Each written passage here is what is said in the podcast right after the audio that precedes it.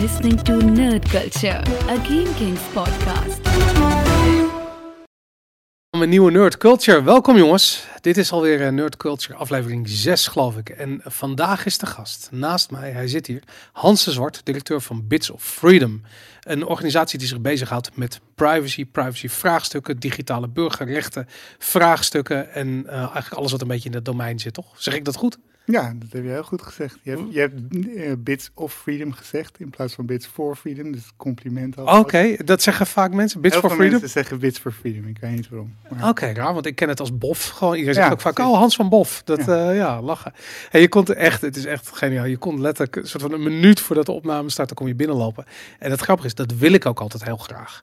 Omdat ik heb altijd het idee van als je dan eerst zo'n, als je een half uur eerder komt en dan weer eerst zo'n gesprek en dan is eigenlijk al het kruid al verschoten van het gesprek. En nu kunnen we gewoon letterlijk um, uh, ja, hier dit gesprek beginnen. En dat vind ik echt heel tof. Cool. Zin in. Nice. We hebben elkaar ooit um, uh, ontmoet bij uh, BNR Nieuwsradio. Volgens mij toen hebben we een item gedaan. Het ging over privacy, denk ik. Daar gaat het meestal over. Bij ik erbij was wel. Ja. ja, daarom inderdaad zoiets. En wat ik zo interessant vind, ik denk dat dat um, nou, dat is zeker een jaar geleden. Als het niet anderhalf of misschien wel twee jaar geleden is geweest. Echt best wel lang geleden. Ja. En ik weet nog dat toen uh, privacy een ding was. Zo van, ja, privacy, dat is een ding. Weet je, dat, dat was altijd zo'n ongrijpbaar begrip waar je ergens zorgen over moest maken. Beetje opwarming van de aarde. Het was nog niet heel actueel. Je weet dat het een probleem oplevert, maar wat dat precies is, dat weten we nog niet helemaal. En dat zien we wel een keertje. En um, het interessante is dat voor mijn gevoel we een grens over zijn gegaan. En dat we in een nieuw tijdperk terecht zijn gekomen waarin opeens als een soort van kettingreactie de ene na de andere privacy um, ja, breach, uh, schending uh, uh, aan het licht komt. En ik, ik, ik volg dat op de voet en opeens zie ik, me, zie ik voor me dat er een soort um, situatie ontstaat waarin um, het duidelijk gaat worden wat het betekent dat we al onze um, gegevens hebben weggegeven al die jaren. Mm -hmm. Hoe kijk jij er tegenaan?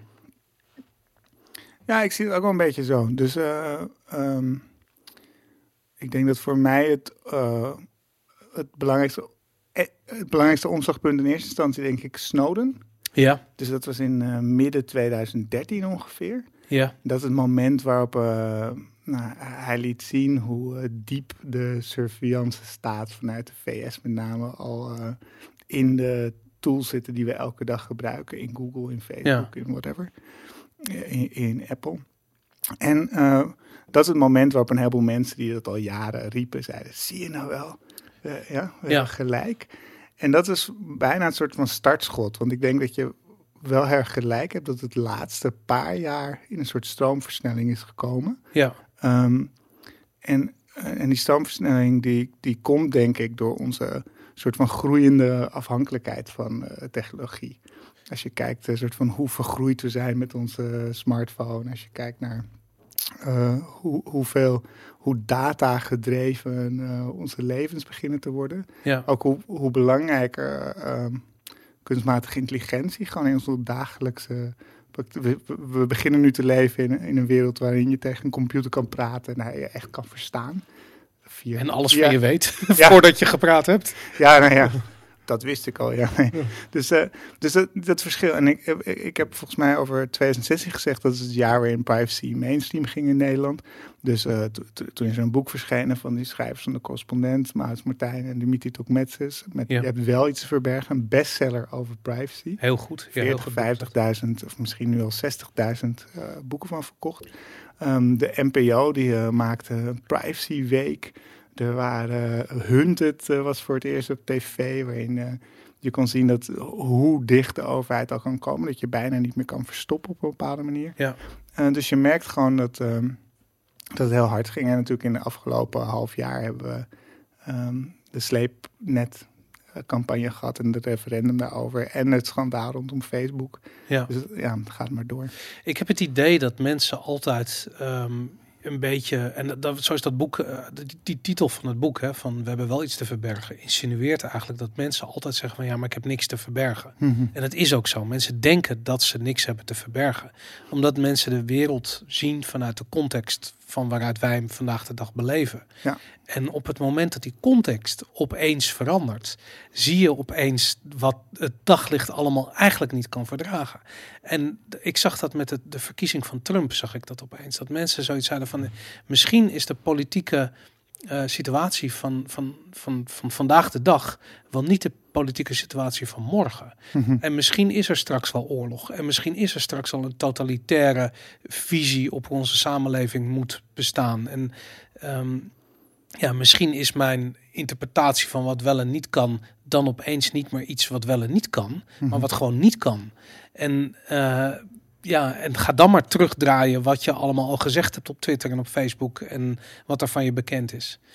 Ja, dat is. Er zijn, er zijn eh, ja, volgens, ik, kan, hier- ik kan heel veel verschillende dingen over zeggen. Dus ik denk dat je, dat je gelijk hebt dat, met, dat er met Trump is er inderdaad ook een verschuiving geweest. Dus eh, van, van het moment waarop we Google en Facebook eigenlijk altijd als soort super innovatieve bedrijven zagen, die eh, de, hielpen om de toekomst vorm te geven. Ehm, met eh, ehm, Arabische lente eh, eh, de underdog hebben ondersteund tegen de dictator. Ehm, dat, was, dat was een soort van ene kant van het verhaal. Eh, een dominante kant. Ja. Toen werd Trump verkozen en toen werd- was natuurlijk eigenlijk het verhaal... ja, oké, het kan dus ook een dictator, bij wijze van spreken... eh, aan de macht brengen. En, en, en we kunnen de politiek eh, manipuleren op die manier. Dus dat is, dat, is een, ehm, dat, dat is denk ik ook een reden waarom we veel eh, gevoeliger zijn geworden... en ook veel kritischer zijn gaan kijken naar Google en Facebook. Wat je zegt over dat wel of niet te verbergen dat is natuurlijk een heel interessant ehm, punt. Dus A, inderdaad gedrag wat we nu normaal vinden, ehm, ehm, vinden ze in andere delen van de wereld niet normaal en vinden we misschien in de toekomst eh, ook niet meer normaal. Ik, eh, ehm, een, voorbeeld wat vaak gebruikt wordt is op, ehm, homoseksualiteit. Waar je, als je dat in Rusland of in, in Turkije opeens vanuit jouw data heel transparant wordt, zou het echt wel eens een probleem kunnen zijn. Ja. Terwijl het in Nederland gelukkig veel minder een probleem is. Ja, totdat het wel een probleem is op een gegeven Ja, moment. en daar, daar is natuurlijk een risico. En wat je, wat je ook ziet, is dat we langzaam naar een wereld bewegen waarin ehm, eh, eh, het afdwingen van compliant zijn, dus het afdwingen van je aan de regels houden, Mhm. ehm, bijna geautomatiseerd kan worden. Dus als je, als je kijkt naar wat er nu in China gebeurt bijvoorbeeld, dan zie je al dat daar systemen zijn waarin ehm, he- het oversteken, dus wacht je wel of niet op het groene licht als voetganger. Eh, ehm, op het moment dat je dat niet doet, dan wordt jouw gezicht herkend en wordt er meteen ge- gezegd wie dat is. Krijg je meteen de boete thuisgestuurd. Weet ik. Gewoon helemaal geautomatiseerd. En je krijgt geen hypotheek meer, heb ik begrepen. Ja, en je mag niet meer vliegen en je krijgt geen visum en je krijgt ze hebben een soort van reputatiescore. Ja. Dus dat is, dat is wel echt bizar. Maar in een situatie waarin eh, je niet meer de regels kunt breken, eh, omdat ze zeg maar door het algoritme, door een computer of door een systeem worden afgedwongen, ehm, kunnen we dus ook niet meer als maatschappij experimenteren met het veranderen van die regels. Ja. Dus een voorbeeld wat dan vaak gebruikt wordt, wat ik heel mooi vind, is zeg maar, ehm, hoe zou ons eh, perspectief op eh, softdrugs zijn veranderd op het moment dat de hele tijd was afgedwongen dat dat niet meer kon. Dus eh, heel vaak worden natuurlijk, eh, hetzelfde geldt eigenlijk voor homoseksualiteit of eh, in de VS, weet ik veel, het eh, trouwen tussen gemengde koppels tijdens de civil rights. Dus dingen die, die gewoon konden en die dan vanuit de maatschappelijke praktijk wet konden worden. Dat wordt veel lastiger op het moment dat, die, dat de overheid zo dichtbij kan komen dat op elk moment dat jij een beetje afwijkt, ja, je afgekapt wordt. Ja. Daarnaast is natuurlijk, vind ik altijd bij dat niets te verbergen argument, dat het natuurlijk gedeeltelijk de verkeerde vraag is. Mhm. De vraag zou moeten zijn van waarom, waarom wil die partij dat überhaupt van jou weten? Dus wat wij bijvoorbeeld bij die referendumcampagne zeiden is, mensen die niets te verbergen hebben, horen niet in het vizier van, van die geheime diensten. Ja? Dus Ja. hoezo zijn ze er? En daarnaast hebben we natuurlijk allemaal wel wat te verbergen. En is het ook, denk ik, iets wat je alleen vanuit een soort pri- privilege kan zeggen. Zeg maar, ik, ik heb zelf niet last van dat mijn privacy geschonden wordt. Ik heb een Ja. prima leven en ik heb een baan en ik eh, hoef niet zorgen te maken over of ik word opgepakt. En ik heb eh, de juiste papieren en documenten en Mhm. et cetera. Maar er zijn natuurlijk een heleboel mensen die in een veel kwetsbare positie zitten. Ja. Die er wel degelijk last van hebben op het moment dat uh, de overheid of commerciële instellingen heel veel van ze weten.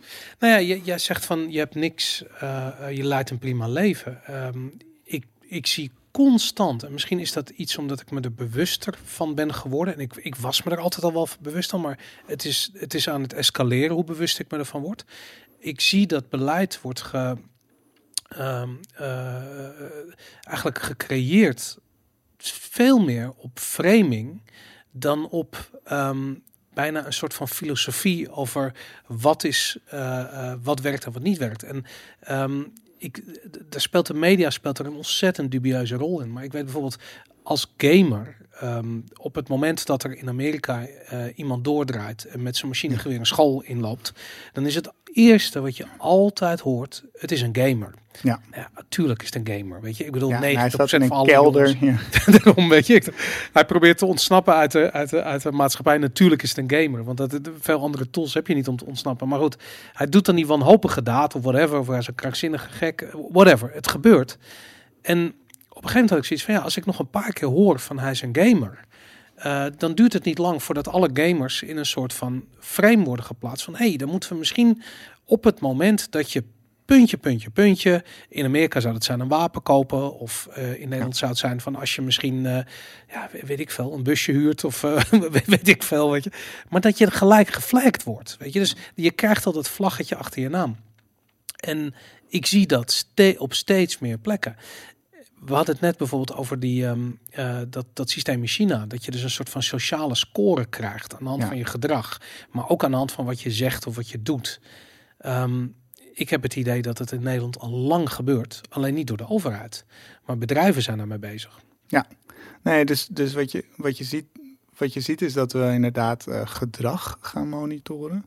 En dat je dan dus bestraft wordt of aangepakt op basis van verdacht gedrag in plaats van op basis van strafbaar gedrag. Ja, Dus uh, als jij op Schiphol iets te lang in het toilet blijft zitten, dan is er een grote kans dat er op een gegeven moment uh, iemand aanklopt. En, een robotje. Ja, die zegt wat er hier gebeurt. Omdat op Schiphol heb je camera's die zeg maar op basis van um, anomalieën, dus die, die, die, die kijken en die zien wat normale patronen zijn van hoe uh, bezoekers zich door het vliegveld uh, bewegen. En op het moment dat ze daar afwijking in zien, wordt dat automatisch geflekt en dan wordt er dus iemand op afgestuurd. Ja. Dus dat, dat gebeurt inderdaad steeds vaker. En het probleem is natuurlijk dat, dat heel veel van de uh, plekken waarop dit soort technologie ingezet wordt, ga, gaat heel vaak over terrorisme en over veiligheid. Dus je Mm. bent eigenlijk op zoek naar dingen die niet zo vaak voorkomen, of die, dat, die bijna elk, telkens een soort uniek uh, evenement zijn. Het is niet dat er een soort patroon in zit. Um, en op het moment dat je in heel veel data gaat zoeken naar iets wat maar één of twee keer voorkomt, dan kan dat niet anders dan dat je dat, dat je zoekt sowieso zeg maar naar het patroon van de vorige keer, Ja. niet van, van de volgende keer. En het kan niet anders dat je dan heel veel uh, false positives krijgt. Dus de, de, de, afgelopen week was nog in het nieuws bijvoorbeeld de false positives rond om gez, gezichtsherkenning. De Ja. politie, politie in uh, South Wales, geloof ik, in, in Engeland. Um, had, uh, bij een stadion hadden ze op basis van gezichtherkenning uh, mensen eruit gepikt. En het blijkt dat ze dat in dat ene stadion hadden ze dat 2000 keer verkeerd gedaan. 2450, ik zag het voorbij komen. Ja, inderdaad. toch absurd? Bizar, Ja. Dus, uh, de, dus dat, ja, de, dat, dat, dat vind ik echt heel erg heftig. En die, ja, die sociale credit score, dus om, om nog even helder uit te leggen misschien wat dat dan is. Dus in, in China uh, komt er vanuit overheidswegen steeds meer druk en het wordt soort langzaam opgebouwd. Het wordt overigens ook met pri private partijen in, in, een soort samenwerking gedaan. Dus uh, Tencent en Alibaba, die ja. grote Chinese technologiebedrijven. En het idee is dat daar jouw gedrag leidt tot... Um, positieve punten en negatieve punten. Dus afhankelijk van of je een goede burger bent volgens wat de Chinese partij ziet als goede burger, krijg je punten. En bij punten horen uh, incentives en bij lage punten horen een soort van penalties. En, um, en dat gaat al best wel ver. Er zijn echt wel voorbeelden van uh, kritische journalisten die niet meer in een vliegtuig kunnen omdat hun score niet hoog genoeg is.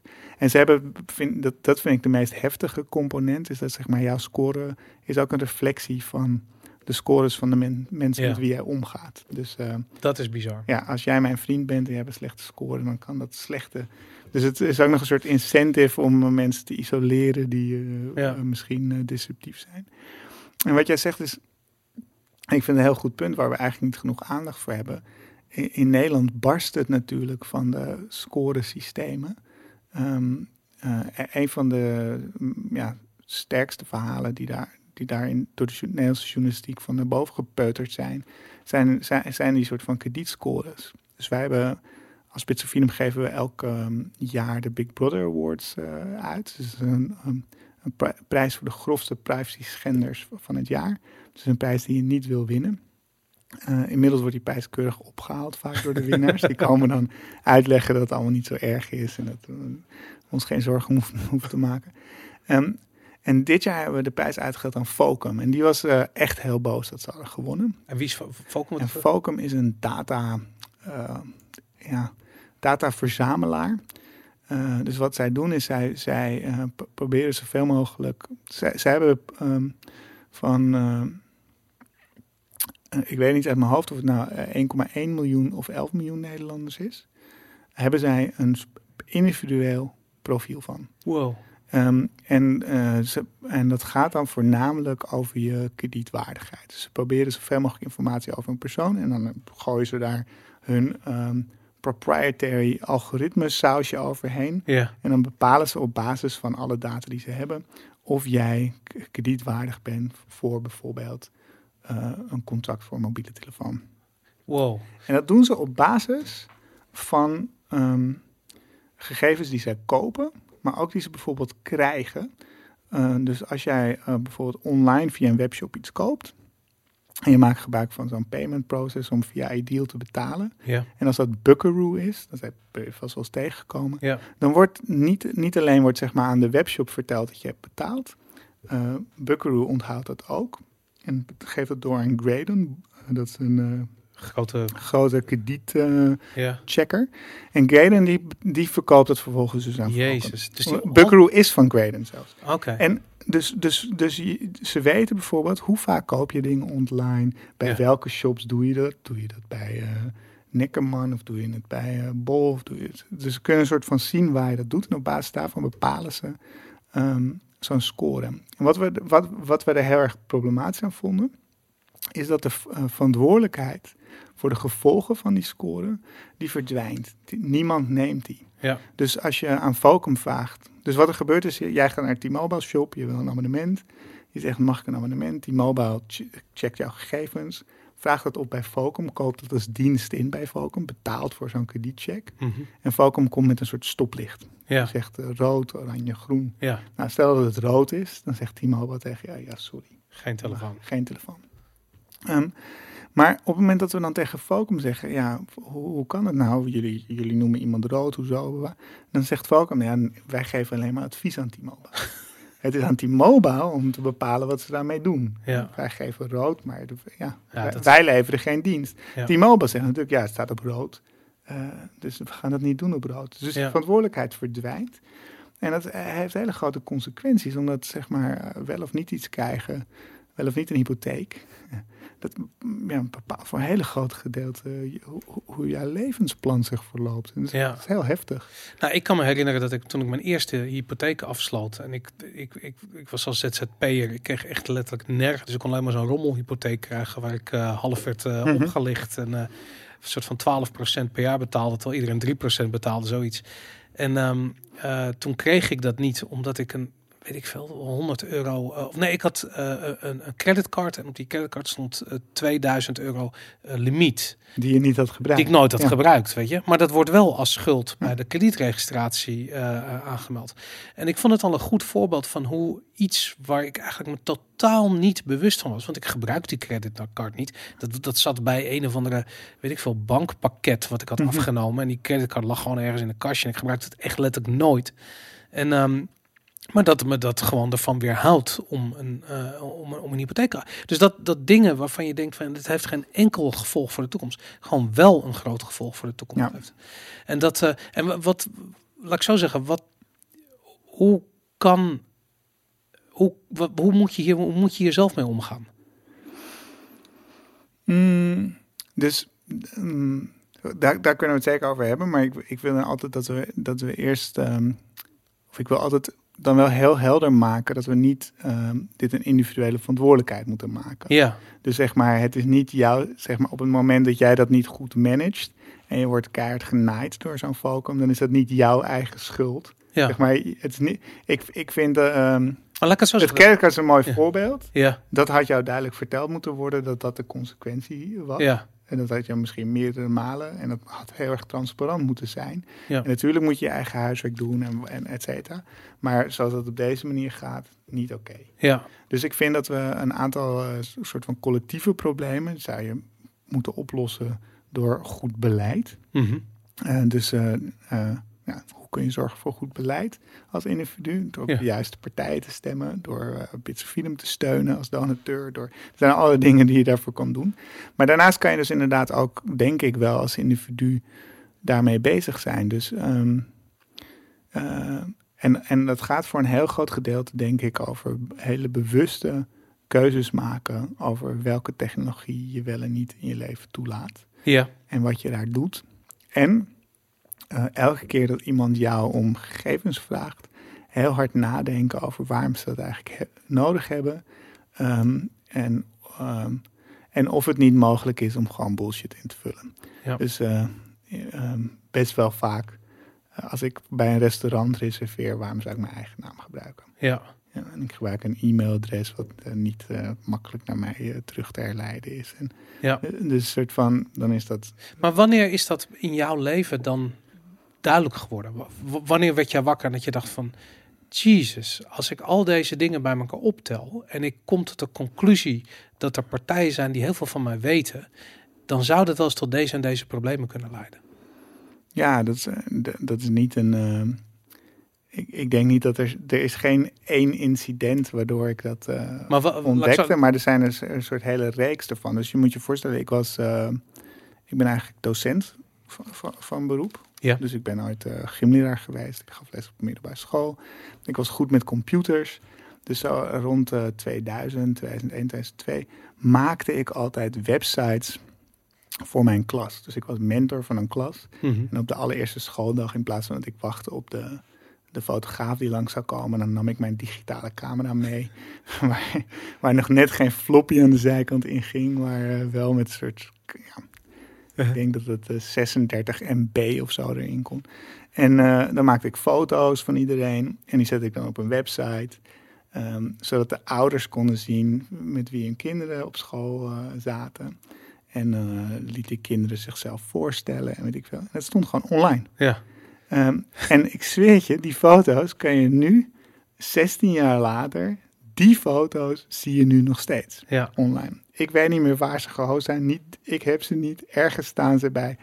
Wayback Machine. Ja, .tk. Ja. Uh, geocities.tk-achtige uh, meuk. Ja. Um, en, en als je eens kijkt, ik denk dat we ook collectief bewustwordingsproces, want ik denk dat er geen docent meer is die dat nu nog uh, op die manier zou doen zonder na te denken. Nou, dat ben ik wel heel generous voor. Nou, ik merk. Maar ik denk wel dat er echt wel veel meer bewustzijn nu is. Ja. Dat als je iets online zet en het staat niet achter een wachtwoord, dat, dat, dat het dan open en bloot is en dat er ook mensen misbruik van kunnen gemaakt Foto's van kinderen is op school, tenminste de scholen die ik ken, ja. echt een ding hoor. Dat, dat, dat, dat doet gebeurt niet zomaar. Nee, en ook WhatsAppen en eventjes leuk op Facebook en whatever. Dan moet je even voor toestemming geven. Ja, of, uh, dat gebeurt En dan zijn er kinderen die dan zo'n lintje om moeten hebben, dat ze niet op de foto mogen. Oh ja? ja. Oh, nee, dat, dat zou ik mijn kinderen ik gelijk zou, meegeven als dat er was. Ja, maar ik vind dan eigenlijk dat je zeg maar een lintje moet hebben als je wel op de foto Inderdaad, maar, ja. Um, dus en er zijn gewoon een aantal. De, de,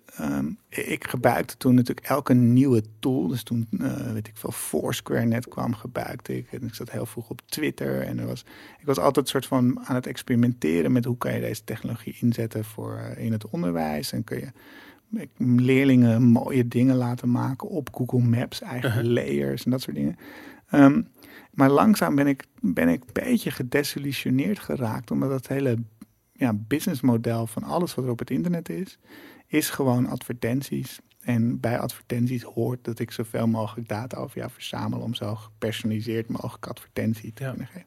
En dus bij elke dienst, zelf heb ik gewoon eigenlijk helemaal niet meer de neiging om apps uit te proberen. Omdat ik alleen maar denk, ja, dit is gewoon een soort van dataverzameltool. Ja. Ik, ik, ik, eh, mijn gedrag zorgt ervoor dat jij de wereld nog beter begrijpt als eh, bedrijf. En eh, En wat krijg jij ervoor terug? ja, ik krijg een soort van een halve dienst voor terug die ik niet wil. Ja.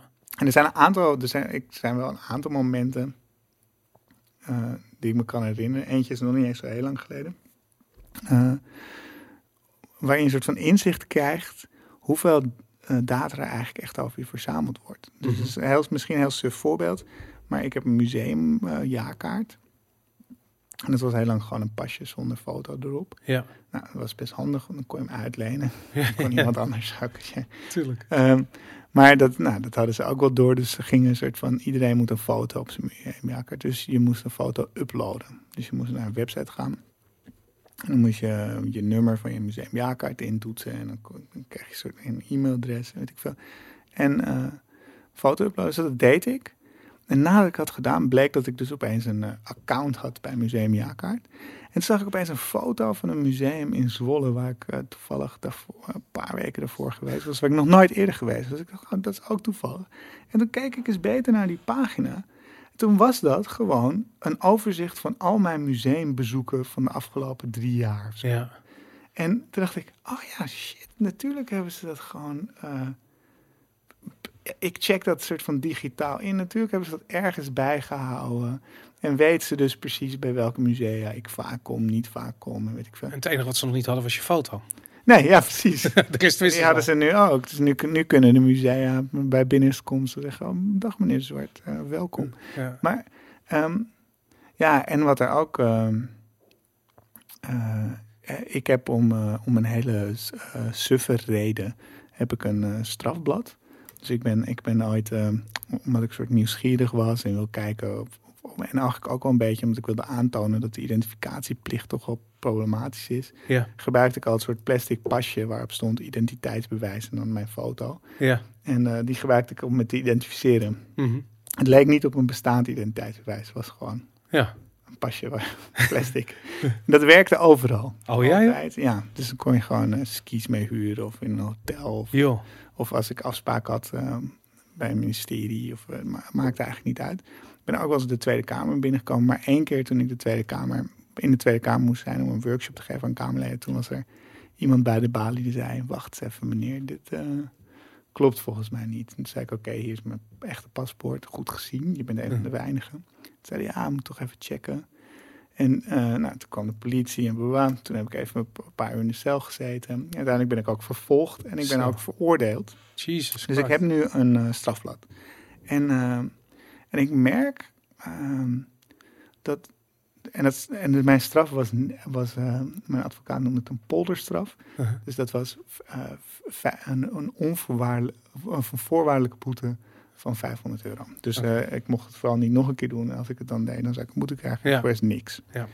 Ehm, maar dat niks betekent wel dat er ergens in een, in systemen staat dat ik dit heb. En ik, ehm, en, en ik merk zelf dat ik het heel vervelend vind dat ik niet kan voorzien op wat voor manier die data gebruikt wordt. Want, want dat vind ik namelijk, ik, ik ben gefascineerd door de momenten waarop heel eventjes zichtbaar wordt Ja. wat het, waar het systeem ehm, in jouw nadeel begint te werken. Ja. En ik kan me voorstellen dat ja, zo'n grap met zo'n identiteitskaart, dat kan iedereen doen. Ik bedoel, eh, ja, ik, ik heb genoeg stomme shit gedaan met overjaarkaarten, gestolen opgegeven. En eh, weet ik, ik ben daar gelukkig altijd bij weggekomen. Maar dat soort, ja, dat soort, ik kan me gewoon heel goed voorstellen dat iedereen wel dat soort shit flikt. Ja. En je wil een punt maken. Je wil ook laat, je wil principieel zijn. Je wil laten Mhm. zien van hoe, hoe jij vindt dat de wereld werkt. En dat is hoe je je als mens ook ontwikkelt. Dat Ja. kan niet anders. Je kunt je niet vanaf baby af aan eh, eh, conformeren aan een soort van malletje en daar blijf je hele leven in. Dat kan niet. Je moet de grens opzoeken. Dus zo leren we. Ja. En ehm, ik kan me niet voorstellen dat eh, mensen niet constant in aanraking komen met wat er gebeurt als je net even die grens overheen gaat. En ehm, dit is een goed voorbeeld van oké, zo'n strafblad. En waar zie je dat terug? Ja. Weet je? En, en heb, heb je dat gezien al? Ben je dat al tegengekomen? Nee, want, want ik ben.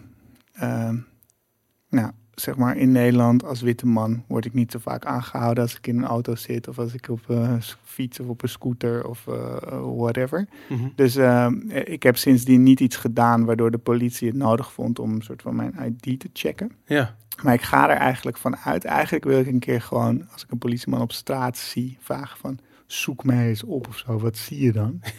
Want ik vermoed dat, hij dat, dat er dan staat identiteitsfraude of zo. Dus dat is ook nog best wel heftig delict. Ja. Ehm, maar, maar daar heb ik dus geen last van gehad. Kijk, ik kan natuurlijk als ik ergens ga solliciteren, dus voor bepaalde functies. eh, nou ja, misschien dat ik nu niet meer bij de geheime dienst mag werken. Maar dat, dat is... Lig ik niet wakker van. Eh, ehm, en sowieso denk ik wel, eens- en dat dacht ik natuurlijk ook met het pasje, van ik heb gewoon mijn paspoort bij me, ik kan uitleggen, dit, dit, dit kan nooit een probleem worden. Dus Ja. je, denkt, je denkt van, nou, het zal allemaal wel meevallen. Ehm, en ik denk ook van, ja, als ik, als ik, eh, als ik, als, als ik niet dit verhaal aan iemand kan vertellen en dat die persoon snapt wat er gebeurd is, dan ja, whatever. Ja. Maar bijvoorbeeld, ik, eh, ik, ik moet eh, volgende week voor een conferentie naar Canada. Nou, ehm, dan moet je een soort eh, elektronische autorisatie doen van tevoren. Dat is ook allemaal sinds 9-11 eh, dit Ja. soort wetgeving. En dan moest ik dus op moest een aantal vragen beantwoorden. En één vraag was, ben je ooit gearresteerd of veroordeeld? Nou, ja, heb ik gezegd. Je hebt ja gezegd. Ja, misschien had ik dat niet moeten doen. Ja, maar serieus, maar dat is fascinerend. Want maar, eh, om heel even hierbij stil te staan. Ja. Want je, je bent zo eerlijk dat je daar ja in vult. Hè? Ja, en dat kwam eh, mede omdat ik niet zeker wist of Canada dit wel of niet ooit zou kunnen weten. Maar daar kom je.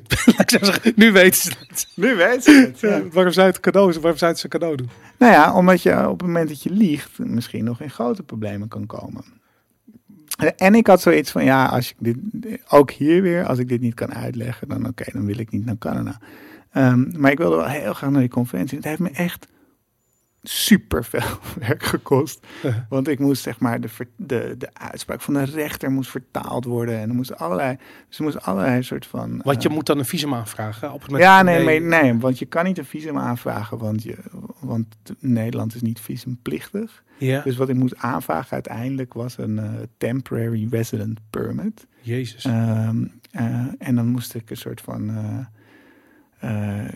criminal rehabilitation process Jezus. door. En er was, een soort, er was echt van alles.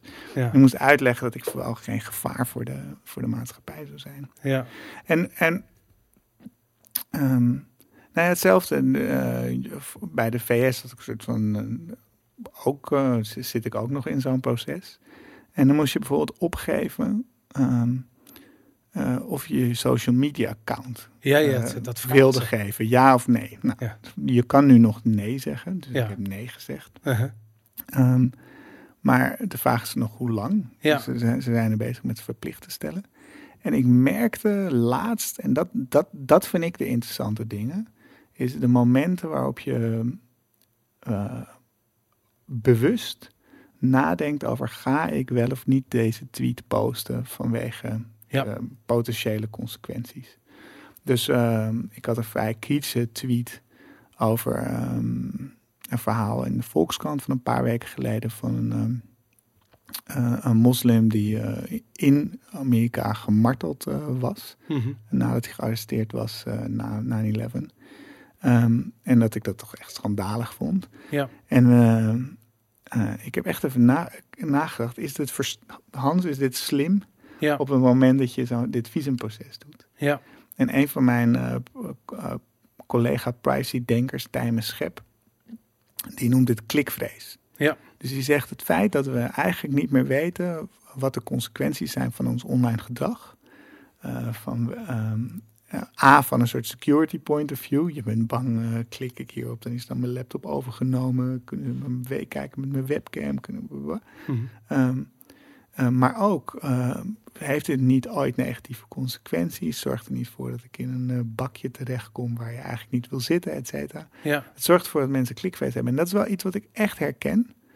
Ehm, dat er een heleboel mensen, en zeker de mensen wiens positie ehm, vaak geproblematiseerd wordt in de maatschappij. Dus op dit moment moslims in Nederland bijvoorbeeld.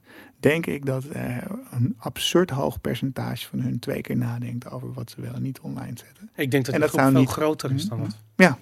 Ik kan me voorstellen, inderdaad, als je homo bent, als je, maar zelfs als je bijvoorbeeld Jood bent en je bent van plan naar eh, eh, Azië te reizen, Ja. laat staan het Midden-Oosten of Afrika of wat dan ook. Weet je dat je, ja, ze moeten wel enigszins technisch eh advanced zijn om die informatie te, te verzamelen van je. Maar da, we, we komen steeds dichter bij het punt dat dat zo is. Ja, collect it all. Ja. Dat was het, was eh, het motto van de Amerikaanse NSA. Ja, nou inderdaad. Ik zag een ehm, artikeltje en dat, dat vond ik een heel mooi voorbeeld. Dat ehm eh, wij gaan binnenkort eh, in Nederland naar een situatie toe waarbij al onze bankgegevens, waar ba- banken niet langer verplicht eh, zijn om je gegevens veilig te bewaren, maar dat mogen doorverkopen aan derden. Zeg ik dat goed? Nee, denk het niet. Ten- Tenminste, ik denk dat je de Europese wetgeving zegt waarin banken verplicht worden om ehm, mogelijkheden te maken om de gegevens te openen. Dus ehm, eh, ehm, P2P nog iets heet het. Het is niet iets waar Bits of Freedom zich erg, of eh, eigenlijk ligt het net buiten ons werkveld. Mhm. Maar waar het op neerkomt is op dit moment eh, zijn jouw bankgegevens eh, z- zitten in de silo van whatever je bank is. Ja. Eh, en, en die zijn er heel moeilijk uit te krijgen. Er is geen API voor je bank. Ja? Je Nee. kan niet, de, mensen kunnen geen soort van diensten bedenken. Dus als jij een huishoudboekje wil, eh, een van de slimme app die kijkt of je niet ergens geld kan besparen of whatever, dan ben je zeg maar eh, eh, gedwongen om te gebruiken wat de bank je aanbiedt. That's it. Ja. Nou, dus Europa wil ehm, eh, dat openbreken. En die zegt dus als bank word je verplicht om via een soort vaste interface jouw kl- klanten de mogelijkheid te geven om externe, inderdaad derde partijen, toegang tot jouw data te geven. Maar daar verdien je als bank niet eens aan. Dus is een verplichting. Oh ja joh. Zo. En dan is het dus zo dat ik mag eh, kiezen eh, of ik daar wel of niet eh, aan mee wil doen. Dus een beetje zoals je, nou nu weet ik veel, wil, wil je dat deze app toegang heeft tot je contacten? Ja. Dat. Wil je dat deze Ja? app toegang heeft tot je bankrekening? Daar, daar gaat het op neerkomen. Wauw. Ja. Ja. en eh, nou, daar, zit, daar zit best wel een, een aantal problematische aspecten aan waar niet zin onvoldoende over hebben nagedacht. Mhm. Bijvoorbeeld, stel ik betaal jou Ja. En, eh, en jij besluit om Google toegang te geven tot jouw bankgegevens, omdat Google, die zal dat vast doen, Ja. een super slimme kunstmatige analyse over en eh, een soort van trenden en eh, kan laten zien hoe rijk je bent over tien jaar als je zo doorgaat, Ja. whatever. Iets wat je. Eh, slim investeren. Ehm, op het moment dat jij dan toegang geeft en Google al jouw transacties kan inlezen, dan kunnen ze opeens ook mijn Want ze zien die ene transactie die Ja. je aan mij hebt gedaan. Ja, tuurlijk. Ja. Dus dat is, en op het moment dat eh, eh, en op het moment dat dat dan hetzelfde gaat werken, zoals eh, bijna alles op het internet, waar er monopolisten zijn, Mhm. die door hun informatiepositie ook de beste diensten kunnen leveren. ja. Dus het feit, het feit dat Google de beste zoekmachine is, komt voor een heel groot gedeelte ook omdat Google de enige zoekmachine is. Dus er is geen enkele. En dus Google ongelooflijk veel meer zoekopdrachten krijgt. Mhm. En die kan gebruiken om de zoekmachine steeds beter te maken. Dus elke zoekopdracht die jij aan Google geeft, ja. elke eh, route die je aan Google Maps vraagt, zorgt ervoor dat Google Maps beter wordt dan de concurrenten van Google Ja. Maps. Want je hebt die gegevens nodig Tuurlijk, om beter te ja. worden.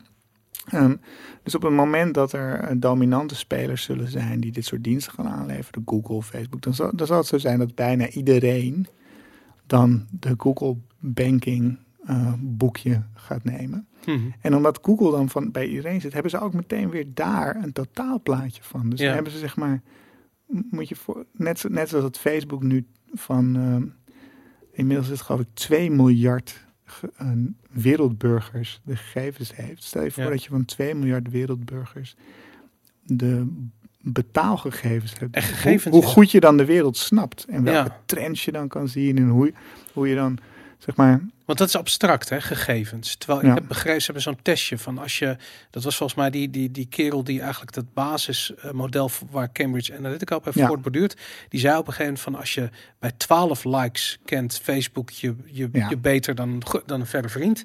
En bij eh, 200 likes kent hij je beter dan, je, dan dat je, mo- je eigen je moeder je kent.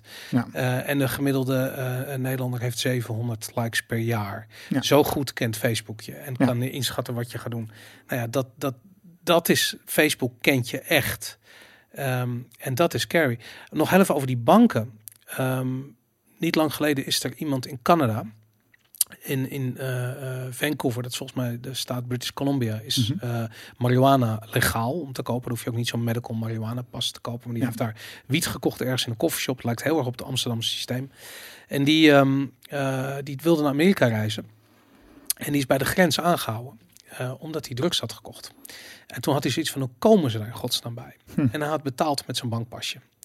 En eh, dus met andere woorden, de, ehm, nou is er een samenwerking tussen Canada en Amerika die ongeveer totaal is. Dus eh, eh, Ja. ze zullen niet gelijk van elke Europeaan al zijn transactiegegevens hebben. Maar het is een goed voorbeeld van hoe de wereld kan veranderen. Dus terwijl je hier in 2016 misschien nog achterloos bij de koffieshop een wietje afrekent met je bankpas, levert dat in 2019 onoverkomelijke problemen op. Als je een keertje naar Disney World in Florida wil, bij wijze Ja. spreken. Je komt het land gewoon niet in. En dat heeft die Cana eh, Canadees meegemaakt. En op een gegeven moment, en ik, toen ik dat had, had ik zoiets van. Jezus, weet je, dit is die veranderende wereld. Weet je, dus de, de context die verandert. En dingen die zo onschuldig lijken op het ene moment, zijn opeens een onoverkomelijk probleem in het andere moment. Ja. Wat zijn er nog meer voor dingen die eh, ik verkeerd heb? Oh, hoe zie jij dat? Wat? Ja, nou, dus, de, eh, dus ik denk dat, dat dit klopt, wat je zegt. En ik wil het nog erger maken, Mhm. omdat heel vaak de data niet klopt. Dus, eh, eh, dus bijvoorbeeld, ehm, eh, er, is een, er is, daar kwamen we achter, om, omdat het een keer niet klopte. Er is blijkbaar een systeem wat de Amerikanen gebruiken om te zien of mensen gevaarlijk zijn. Dan kijken ze naar de IP-adressen van je telefoonverbinding. En als die uit Jemen komt of zo, dan is dat een probleem. Ja. Nou, IP-adressen zijn op, hè? Mhm. De, de IPv4, de, de, Ja.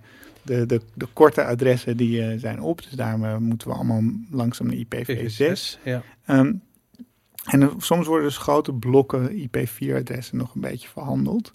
En Vodafone had dus een blok ge- gekocht uit Jemen in principe. Wow. En uitgedeeld aan eh, eh, Nederlandse? Nederlandse klanten. en een Nederlandse klant die ging naar eh, Amerika. Bent u ooit in Jemen geweest? Nee.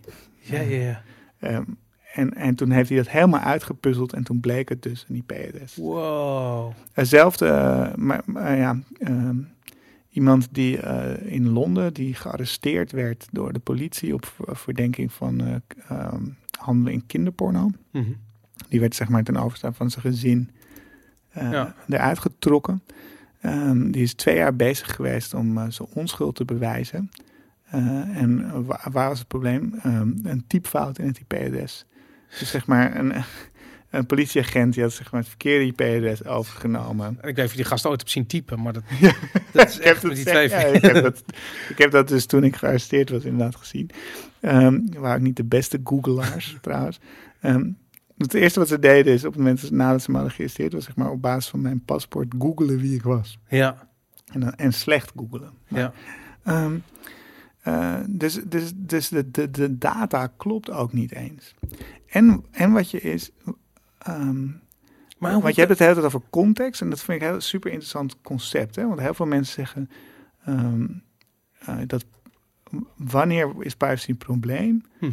Op het moment dat er, er data eh, vloeit op een manier die we niet vinden passen bij de context. Ja. Dus het is helemaal niet zo dat ik nooit gegevens wil delen en dat ik een soort van absolute grenzen heb over wel en niet. Ja, Met mijn dokter ben ik bereid hele privé eh, informatie te delen. ja.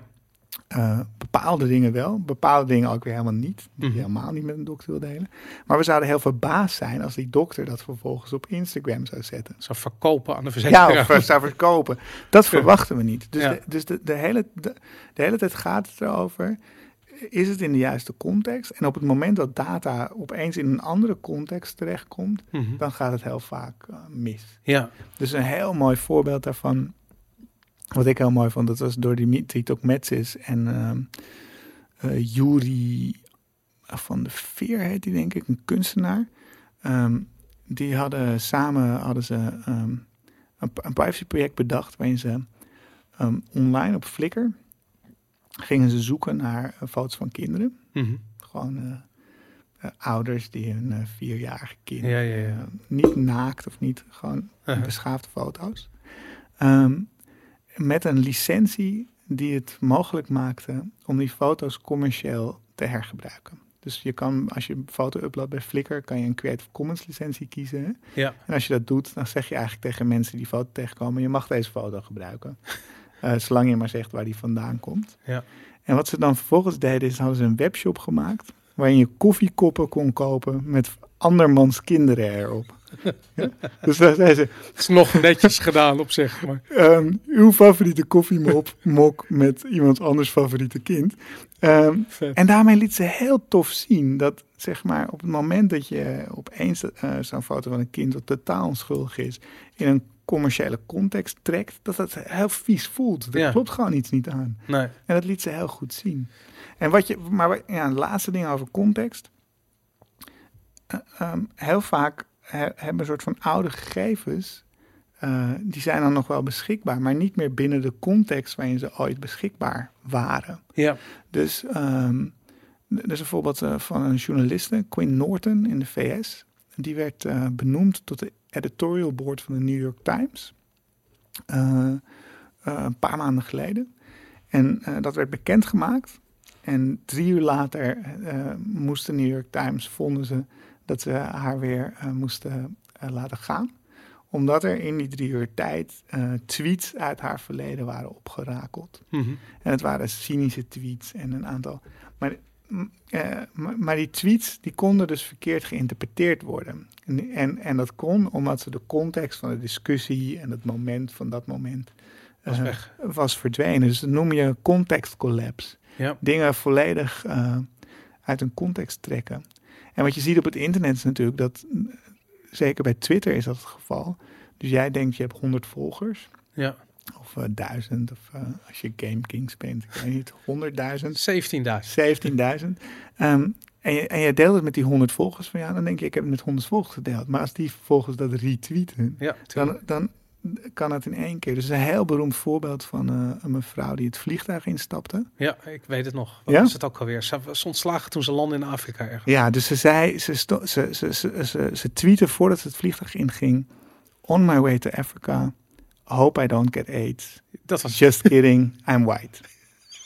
Nou ja, dat, ze zei dat vanuit een soort cynisme over hoe mensen over Afrika denken. Dat lijkt ja? toch een ander tijdperk als je kijkt hoe die politieke correctheid nu is toegeslagen. Ja, Dat- nee, maar, maar goed, dat was er toen al. Dus, dus, de, dus zij, zij zei dat. Zij bedoelde daarmee, dit is hoe mensen naar Afrika kijken. Iedereen die daar zwart is, heeft aids. Dat is absurd. Ja, Ze deed het in een soort ironische tweet naar haar volgers. ja, Dat werd door miljoenen mensen gezien, terwijl zij dus aan het vliegen was naar Kenia. ja.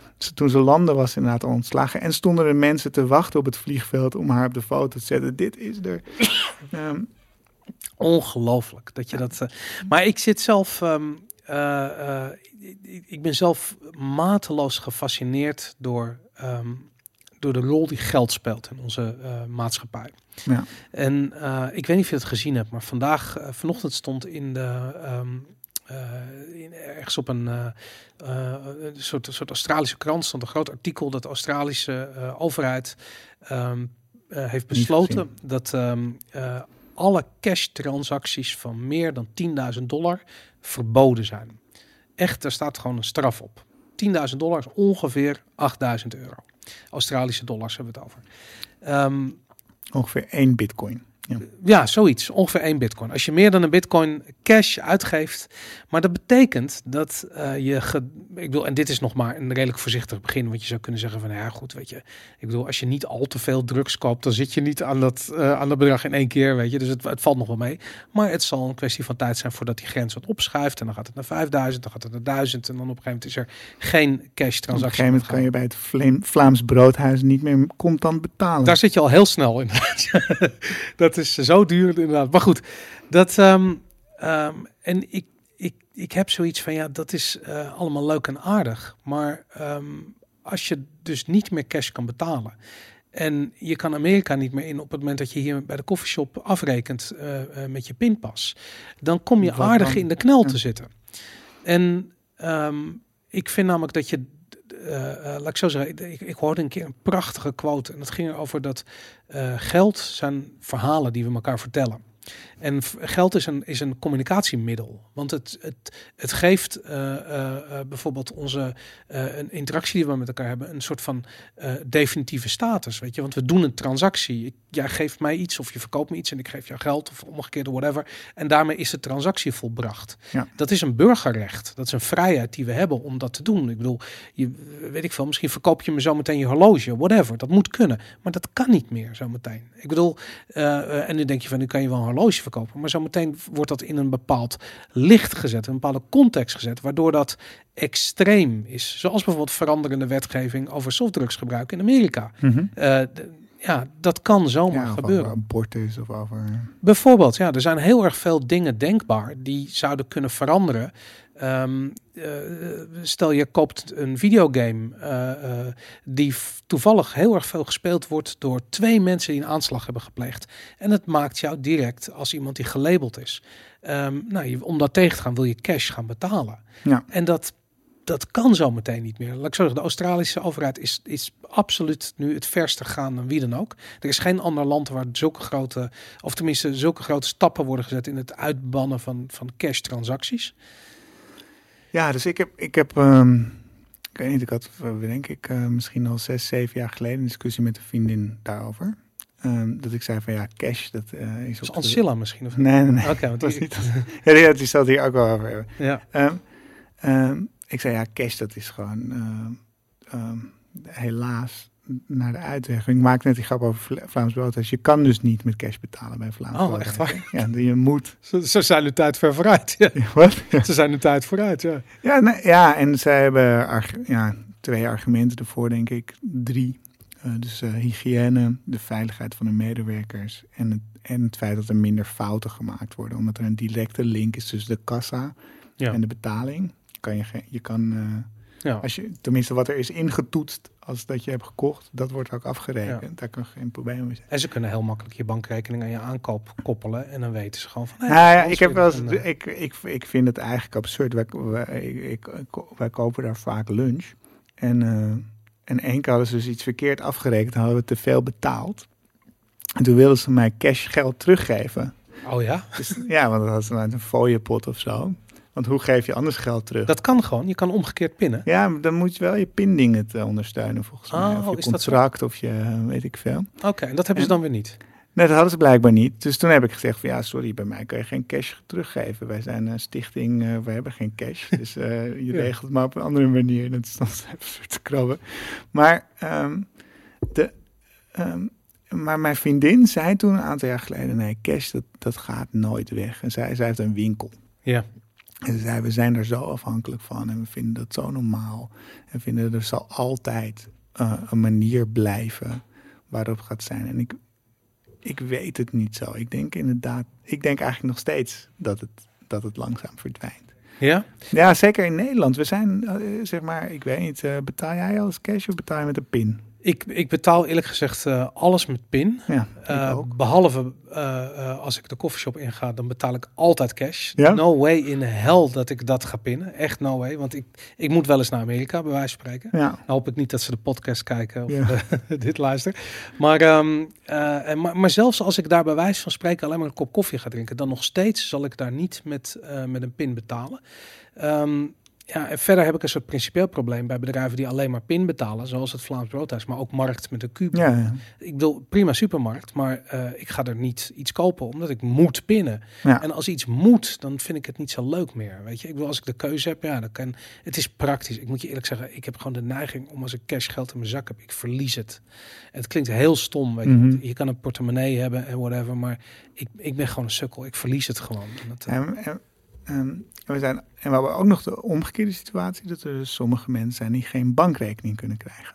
ja, Dus, de, eh, dus eh, ehm, bijvoorbeeld is een, een, een Britse organisatie, Cage, die, eh, ehm, waarvan ehm, die komt op voor rechten ehm, ehm, in het kader van terrorismewetgeving.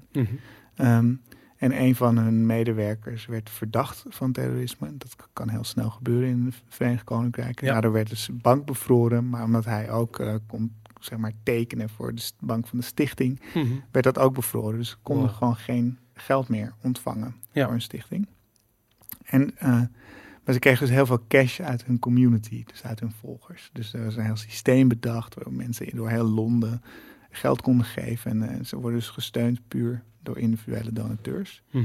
Ehm, maar ja, dan moesten ze belasting gaan betalen. Ze Ja. hadden dus geen bankrekening. Ja.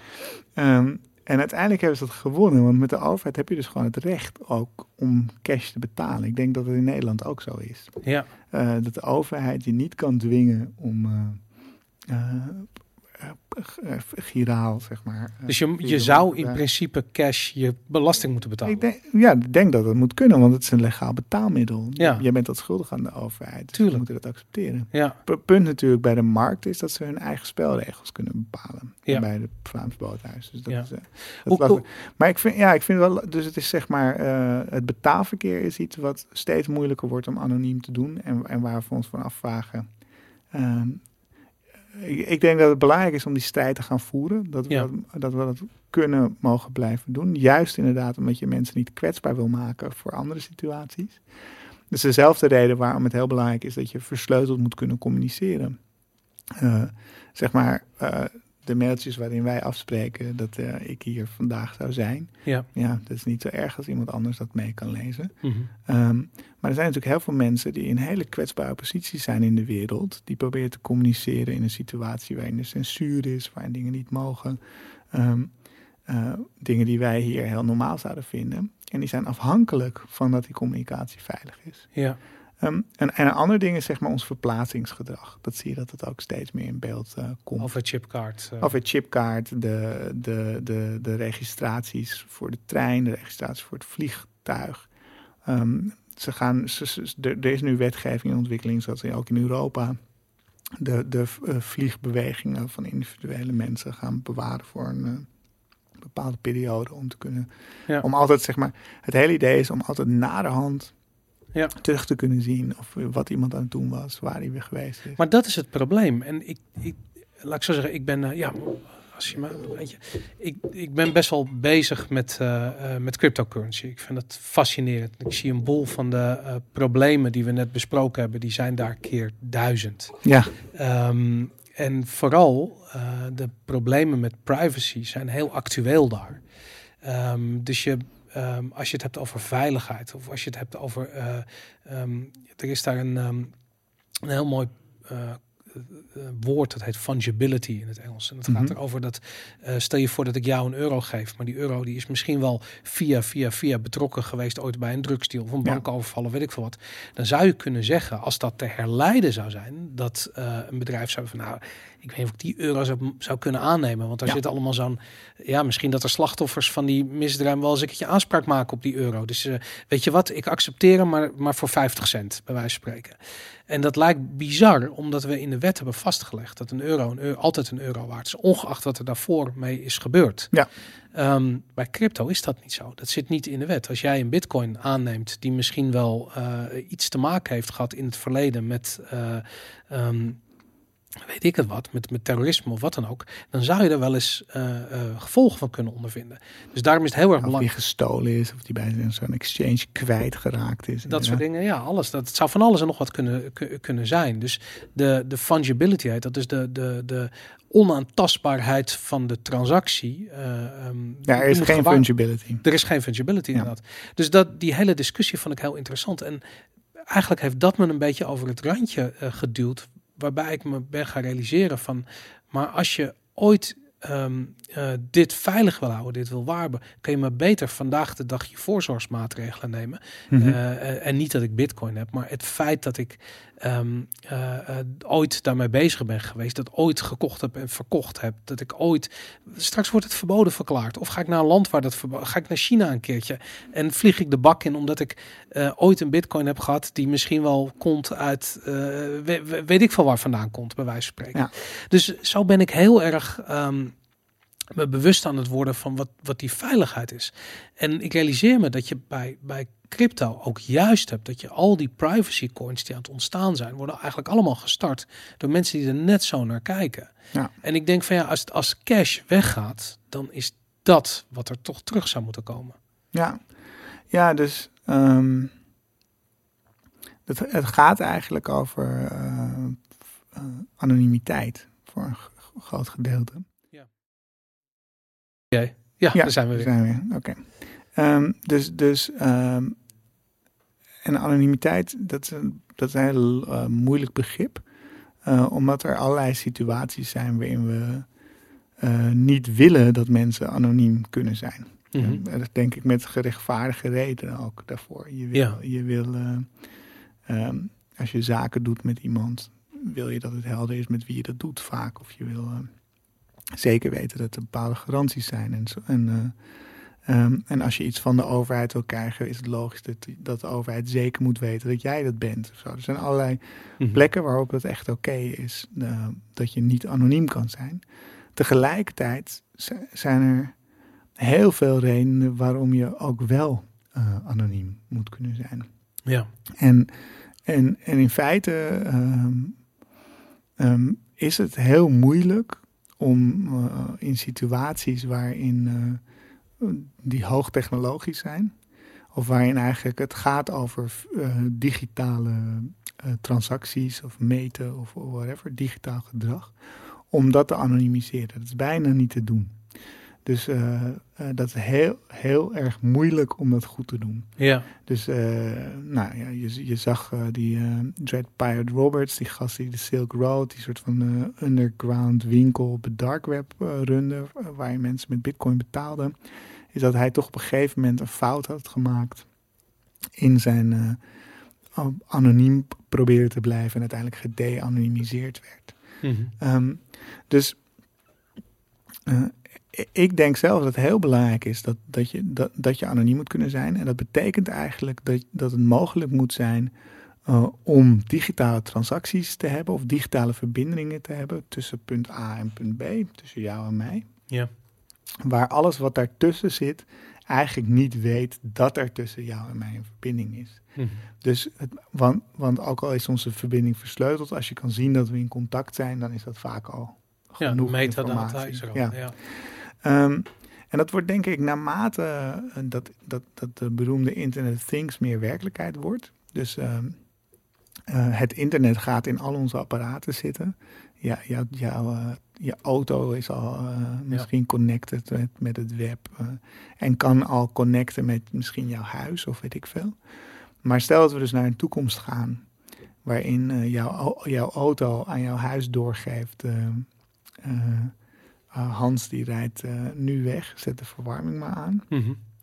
uh, als we dat doen met dezelfde infrastructuur die we nu hebben op het web, waarin alle tussenpartijen kunnen zien dat mijn auto met mijn thermostaat aan het communiceren is, dan, dan, dan, dan, dan kopiëren we denk ik ook alle problemen die er Ja. nu op het web zijn. Dus dat wil je niet. Dus ik denk dat het heel belangrijk is dat we gaan nadenken over hoe kun je bijvoorbeeld Tor, een, technologie die uh, ingezet wordt om um, internetverkeer te anonimiseren. Mhm. Eigenlijk, als je het super simpel uitlegt, om door het verkeer zeg maar aan de ene kant in een black box te doen, te husselen uh, en er weer uit te laten komen.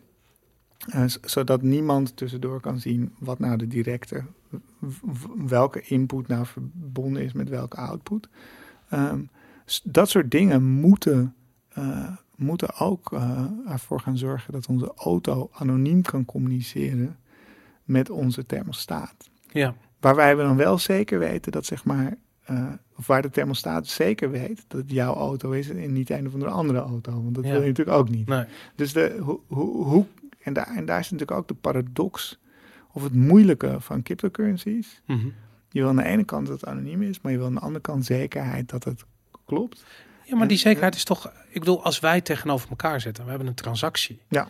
Ehm, dat is de zekerheid. Mhm. Weet je, als jij eh, iemand bent die anoniem via Tor in Zuid-Amerika zit en ik zit anoniem via Tor in, Europa ergens, dan Ja. ja, ja oké, dan, dan, dan zijn er andere eh, middelen nodig om de transactie eh, voor te bereiden. Ja. Maar dat maakt op zich niet zo heel veel uit. Die zullen er, de- ik wil, die zullen er wel verzonnen worden. En wa- waar, waar het mij om gaat, is dat die, dat die transactie volledig anoniem is Mhm. omdat ik, ik maak me zorgen over het feit dat straks niet alleen eh, eh, wat je nu zag met wietgebruik in Amerika, dat dat straks voor heel andere dingen ook gaat gelden. Bijvoorbeeld voor het gebruik van cryptocurrency. Of bijvoorbeeld voor het feit dat je Tor alleen al gebruikt. Want daar zijn ook Ja, genoeg. dat is ook wel eh, een marker. Ja, ja. Dus het, fe- het feit dat jij versleuteld e-mails zal wel zijn omdat je... iets te verbergen Ja. hebt, dus een terrorist bent. In Amerika word je aangemerkt op het moment dat je eh, Tor gebruikt. Dat is daar al een van die dingen. Dus dat betekent dat je al aan de kant wordt gehaald. En eh, voor mij een reden om, om Tor nog niet te gebruiken. Omdat ik gewoon zoiets heb van ja, ik wil ook, ik wil aan de ene kant wil ik volledig anoniem zijn. Aan de andere kant wil ik niet de ehm, verdenking op me laden. Ja, er is een ander, er is een ander soort van... eh, er zijn een aantal, ze noemen dat PAT, PET's. Dus Privacy Enhancing Technologies. Ja, Dus eh, Tor is een voorbeeld van, dat, is- dat is anonimisering. Maar eentje die ik super interessant vind is obfuscation. ja, Dus dat is het idee dat je eigenlijk eh, jouw echte intenties verstopt in eh, een heleboel nonsens. Dus eh, super simpel uitgelegd, als jij niet weet, als jij niet wil dat Google weet waar je naar zoekt, Mhm. eh, dan zou je dus eigenlijk die ene echte zoekopdracht moeten verstoppen in duizend random zoekopdrachten waar je helemaal niet in geïnteresseerd bent. ja, Ehm, en dit principe, nou, dat is zo intuïtief te begrijpen. Dat kun je Mhm. ook formaliseren in een soort van technologie. Dus je kan, je, je, je kan ervoor zorgen dat je een soort van... ehm, eigen keer je dan fungibility misschien een beetje. Dus je kan zeg maar in het systeem of plausible, plausible deniability... Of, ja, eh, ehm, manieren eh, eh, maken waardoor, eh, waardoor jij wel krijgt wat je wil van een bepaalde dienst, zonder dat de dienst van jou weet wat je echt wilde. ja. En ehm, ja, net, het werkt net anders, maar, maar Apple is daar echt serieus mee bezig in hun systemen. Eh, dus nou, la- laten we het voorbeeld nemen van Google Maps. ja. Dus eh, op het moment dat jij een eh, zoekopdracht in Google Maps invoert, dan weet Google Maps dus waar je heen gaat. Ja. En weet hoe vaak je dat doet, et cetera. En dat is de reden waarom Google ehm, geautomatiseerd eh, ontdekt waar jouw huis woont en, eh, en waar je werk is. Ontzettend Dus ik weet niet of je wel eens eh, op die Android-telefoon Vreselijk, Dit, ja. hier ben je- dit is waarschijnlijk jouw huis. Ja, dat is het. Ehm, en ehm, de vraag is, zeg maar, kun je... ehm, en, en Google wordt dus zo goed omdat ze die informatie eh, ehm, centraal eh, opslaan, analyseren en op basis daarvan Google Maps verbeteren. Ja. En dit is een model natuurlijk voor heel veel dingen. Je verzamelt zoveel mogelijk data en daar creëer je dan een model van. En dan, dan kan je een mooie dienst leveren. En ehm, eh, het principe van differential privacy heet het. Dat is een principe waar kan je nou technologie ontwikkelen waarin eh, je wel kunt leren van een individueel gedrag, Mhm. zonder dat je dat individuele gedrag echt aan het individu kan koppelen. Dus, en daar is Apple mee bezig. Want Apple zegt, ik wil wel de- zo goed mogelijke dienst maken, maar ik wil eigenlijk niks weten van mijn gebruikers. Ja. Hoe kan dat? En daar, daar zijn dus technische oplossingen voor. Eh, die, die denk ik heel interessant zijn. Dus het idee is eigenlijk, ehm, ehm, om het simpel uit te leggen. Ik weet niet of het simpel genoeg is, maar eh, ik stel aan jou de vraag, waar wil je heen? Eh, en, eh, en ik vraag jou tegelijkertijd om een muntje te flippen. Ja. En als het kop is, dan geef je me het echte antwoord. En als het eh, munt is, dan eh, verzin je maar wat. Ja. Nou, omdat het een soort van 50-50 kans is, kan ik dan zeg maar die, die- bij mijn analyse dat, de fouten eraf trekken. Zonder dat ik zeker weet of jij wel of niet Ja, eh, ja. informatie. Nou, dat, dat, dat soort principes is- bestaan. Is, is Apple daar verder in dan, dan Google? Ik bedoel, ik maak me Ja. zorgen over Google. Eh, wat Google allemaal weet van mij, maar sowieso waar ze mee bezig zijn. Maar, Ja, ik denk dat die twee bedrijven. Dus laat, laat ik heel zeggen, ik ben geen Apple eh, fanboy. Uh-huh. Eh, ik ben een eh, Linux eh, nerd. Dus Daar moeten we het zo even over hebben, dat is duidelijk. Ehm, ehm, maar, ehm, maar ik denk wel dat Apple echt een fundamenteel ander businessmodel heeft dan Google. Ja. Eh, Google is wat ze noemen een surveillance kapitalist. Ja. Dus Google's businessmodel is zoveel mogelijk data verzamelen, stap 1. Dan eh, datawetenschappers en machine learning algorithms aan het werk zetten om een model te maken voor Mhm. de wereld. Eh, en op, op basis van het model voorspellingen te doen voor gedrag. Meestal koopgedrag. Ja. En die voorspellingen vervolgens verkopen op prediction markets. Ja. En als je kijkt, Google, meer dan 90% van de inkomsten van Google komt uit advertenties. Het is gewoon een advertentiebedrijf. Eh, en alle andere, alle diensten die ze leveren, zijn er uiteindelijk aan natuurlijk wel om ervoor te zorgen dat je blijft. Ja. Omdat als je blijft, lever je meer data op, kan dat weer het model in, et cetera. Eh, en die zijn er dus allemaal op gericht om zoveel mogelijk data te verzamelen, want dan kan je beter voorspellen en dan kan je meer geld ervoor vragen. Duidelijk, ja. Apple's model is natuurlijk heel anders. Verkoop gewoon hardware. gewoon, gewoon hardware, dure hardware, eh, eh, gebrand als eh, premium, mooi vormgegeven. Werken niet mee aan, Ehm. het, aan de hack verzoeken van de NSA. Ja, en die hebben, en die hebben dus nu inmiddels door dat, dat dit een, een, een echt een, een, dif, ja, een differentiator voor ze kan zijn. Dus Ja. ze kunnen, zij kunnen zeggen, we don't want to know anything about you. Ja. Eh, en Google kan dat natuurlijk nooit zeggen en Facebook kan dat ook nooit zeggen. Hoeveel is dat waard? Als je nu naar de, naar de Mm. Nederlander kijkt. Ja, de, de laatste gegevens die ik zo uit mijn hoofd weet was eh, voor Facebook is een individuele gebruik, Amerikaanse gebruiker was iets van 30 dollar per jaar waard. Oké. En een Nederlands gebruiker iets van 5 dollar. What the fuck? ja, maar het heeft te maken natuurlijk met de, met de advertentiemarkt en met soort van hoe dat werkt. Jezus, voor dat idee ook. Wel onze privacy wordt hier echt... Ja, je kan dus voor 50 cent per maand zou je in principe zeg maar, zou Facebook meer winst op jou maken dan eh, hoe ze dat nu doen. Ongelooflijk. Dat dat ook nog eens een keertje niks waard is. Maar ik wil, ik als gebruiker, ik zou nooit, never ever van mijn leven 1000 euro neerleggen voor een iPhone X. Tenzij het een privacy device zou zijn. En dan zou ik er niet eens twee keer over nadenken en direct 1000 eh, euro voor neerleggen. Dus ik snap wel dat Apple iets, die, Ja, die, het- die is iets op het spoor. Ja, ja, ja.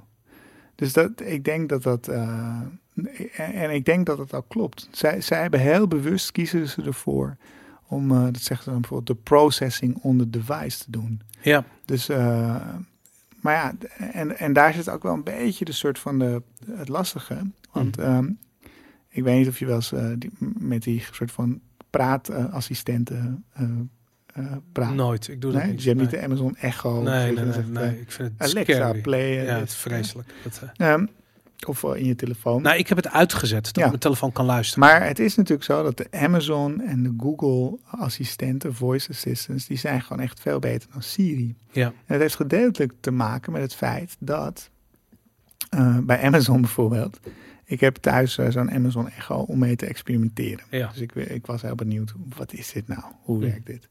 Ehm dat was een best eh, aparte ervaring, kan ik je vertellen. Want ik zette dat ding aan en ik dacht, oké, nou, ehm, Alexa, play ehm, Buffalo Soldier bij Bob Marley. Toen zei hij, eh, eh, dus dit is het eerste wat eh, eh, Amazon tegen mij zei. Hè? Mhm. zei We can't find Buffalo Soldier in your music collection. However, it's available on Amazon Prime. Would you like to subscribe to a free 30-day trial? Jezus. Say yes if you want to subscribe to. Dus ik dacht, wat? Ik koop nu iets. Ehm, maar letterlijk in Amerika is het zo, dan kan je zeggen, Amazon, uh, get me some batteries. En dan uh, de volgende dag verschijnen de batterijen. Ja, sick.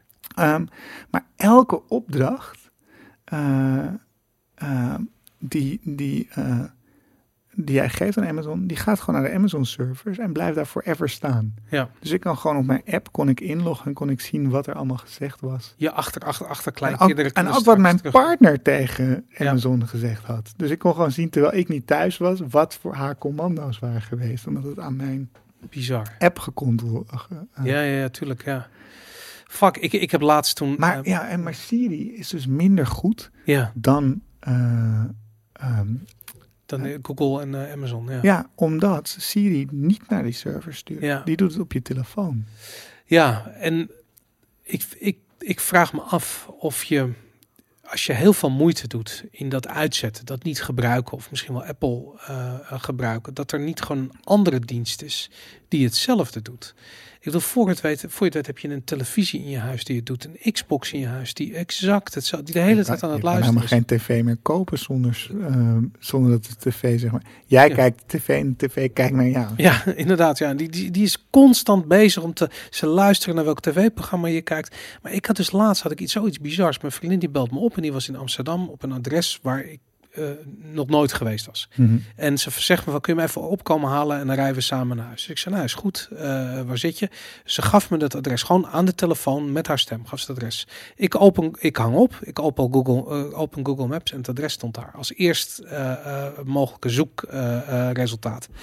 En ik had zoiets van, en ik begreep gewoon niet waarom dat in zit. En het enige wat ik me kan voorstellen is dat mijn telefoon gewoon meegeluisterd heeft. Google luistert mee. Hm. Dat is ook de reden geweest dat ik daarna alles uitgezet heb.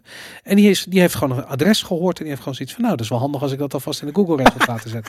Ik vond het insane, weet je. I'm not sure. Ik, de, ehm, Nee, gaat dat te ver? Wat weet ik niet. Dus er is, er is een super mooie... Mensen denken dit heel vaak van Facebook. Ja, Dus eh, ze de, ehm, het, er zijn echt legio voorbeelden van mensen die zeggen... Ik had een gesprek over parfum Mhm. en, eh, en ik heb het nooit over parfum normaal. ja, En ik open Facebook en de eerste advertentie die ik zie is parfum. ja, Nou, ik denk dat veel eh, kijkers, luisteraars... ja, iedereen eh, heeft dat gehad. dit, dit hebben gehad. Ehm, en is een Amerikaanse... Facebook ontkent altijd dat ze dit doen. Ja. En, ze- en ze ontkennen het zo hard dat ik, zeg maar... eh, dat ik ze geloof, omdat ze zich niet kunnen veroorloven om... eh, Omdat het anders toch wel Ja. uitkomt, ja. En, ehm, en, en, maar, maar het hele punt is natuurlijk dat Facebook eigenlijk zoveel over jou weet, Ja, dat ze snappen dat jij misschien, dus zeg maar, je hebt het niet voor niets over parfum. Misschien was je net op het vliegveld geweest, misschien was je net. dat Dus er zijn allerlei andere redenen Ja. waarom eh, eh, Google of Facebook kan weten wat dat adres is. Want misschien, zeg maar, Google, Google- weet dat het mijn vriendin is. weet Ze weten waar mijn vriendin Ja, is. dus, En dus- de- dus er ja. zijn ook, je hebt net je vriendin gebeld. Dus ik ben in Amsterdam, dus waarschijnlijk gaan we naar huis. Eh, dat ligt allemaal ontzettend voor de hand. Ja. Dus, dus, dus, dus heel vaak zijn er een soort van alternatieve redenen. En er was dus eh, eh, twee podcastmakers in de VS. Die hadden dit soort van uitgezocht. En die hadden ook gezegd, ja, Facebook doet het niet. En ze hadden allemaal bellers die ervan overtuigd waren dat Facebook dit wel deed. ja. En dus mochten ze inbellen. En dan eh, eh, mochten ze het verhaal doen. En dan gaf die podcast host, die gaf zeg maar een alternatieve verklaring. En, eh, en het hele punt is dat mensen dus dat alternatief niet geloofden. Ja. Niemand geloofde hem. Ze waren er zo van overtuigd. Ehm, en zeg maar, en het probleem is natuurlijk een beetje, dat is al genoeg. Ja. Jij bent al eh, eh, freaked out door, eh, door dit. Of het, hoe het nou gebeurd is, of het nou echt klopt of niet klopt. Maar misschien is het wel erger als Google weet uit de metadata Ja, dat is dat ik natuurlijk mijn ook. ga ophalen. Dat is het natuurlijk ook. Dat is nog veel erger dan Ja. dat ze luisteren. Ja, ja, ja, maar dat probeerde je dus aan die mensen uit te leggen. Maar ze waren vanaf, ah nee, het kan Jezus, echt dat alleen is maar. Scary man. Jesus Christ. Dat is natuurlijk gewoon aan de hand. Dat is wat het was. Want ik vond het ook al zoiets van. Dat betekent dat Google dus constant moet luisteren. Wat ze natuurlijk ook doen. Want als je zegt, oké Google, dan gaat, gaat, gaat hij... Nu gaat waarschijnlijk bij iedereen die thuis een Android-telefoon naast deze oh ja, podcast... sorry. ja, sorry, dan gaat die, eh, eh, eh, gaat, gaat, gaat die telefoon aan. Amazon, delete all content. Xbox off. ja, nee, dat is heel grappig. inderdaad. er zijn hele leuke Twitch-streams van, met- van eh, eh, mensen die... Ja, en ook Nou, van die apparaten die elkaar aan en uitzetten. Dus je kan, ze, je kan ze, zeg maar... Apple, Google en Amazon kan je in een soort cirkel Ja, ja, die- forever door laten gaan. Vet. Ja, dat kan ik me voorstellen. Ja, die, en, en, maar dat is eigenlijk wat ik bedoel te zeggen. Van op het moment dat, dat, die, dat die, al die data die bekend is bij dat soort bedrijven heel even aan het licht komt. Dat je heel even een glimp krijgt van wat voor monster er eigenlijk onder het oppervlak aan het ontstaan is. Een bedrijf die alles van je weet. En niet weet wat je gekocht hebt en weet waar je woont. Weet je, dat is niet dat weten. Weten wie je bent en hoe je, Mhm. de, hoe je denkprocessen verlopen. En weten wat je gaat stemmen straks. En weten ehm, eh, ehm, ja, wat je van de wereld vindt en wat je van de volgende president vindt. En of je wel of niet gaat protesteren bij de volgende eh, demonstratie tegen eh, een of andere beperking van een vrijheid. Weet je, dat. Mijn telefoon pikte er nou Hans de Zwart op en nu kan opeens geen NS-pasje aan. Is een, vraag, is een opmerking die we zien in de chat. Ja, inderdaad. Nee, maar dat is toch, eh, dat- is een, dat is werkelijk monsterachtig als je begint te Ja, en het is heel heftig. Dus er is een, ehm, is een Amerikaan die heeft ehm, heel mooi onderzoek gedaan naar, zo- naar de, de zoekmachinegegevens van Google. Ja. En wat aparte ervan is, is. Dus Facebook heeft een ander type data over ons dan Google. Facebook heeft namelijk de data, voor een gedeelte eh, de data die we door ons eh, surfgedrag. eh, Facebook heeft veel meer dan we eigenlijk denken. Heel veel mensen denken, ja, dan moet je het er toch niet op zetten. Ja, Ja, maar Facebook verzamelt ook heel veel dingen die je er helemaal niet op zet. inderdaad. Ze hebben een soort schaduwaccount, las ik. Ja, dus wat, wat het punt is natuurlijk gewoon...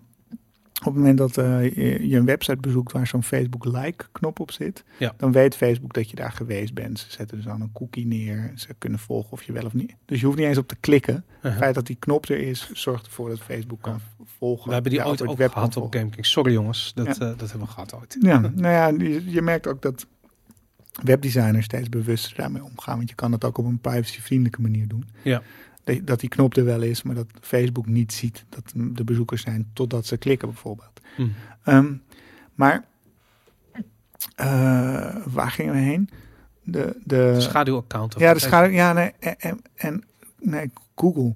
Dus Google, die heeft bijvoorbeeld wat jij in een zoekmachine intypt. En als je daarover nadenkt, wat dat is, is eigenlijk veel intiemer dan wat jij zelf op Facebook doe. Je natuurlijk, laat je de leuke kanten van je leven zien. Hè? Ja.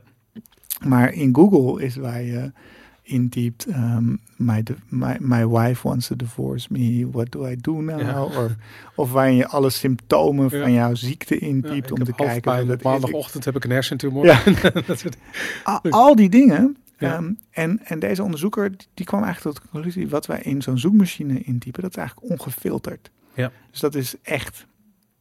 En er is, zit een hele grote kloof tussen wie we willen zijn en wie we echt zijn. Mhm. En Google, die weet wie we echt zijn. En Ja. jij de dataset van Google, puur alleen de zoekmachine gedrag, dat is de rijkste dataset over de menselijke psychologie die we ooit gehad hebben. Wow. En hij heeft een hele mooie onderzoeken. Dus bijvoorbeeld, hij kon, hij kon, hij kon bijvoorbeeld op basis van die dingen zoeken bestaan eh, Freudian slips. Dus eh, dat je per ongeluk een verkeerd woord zet. Of is dat gewoon toeval?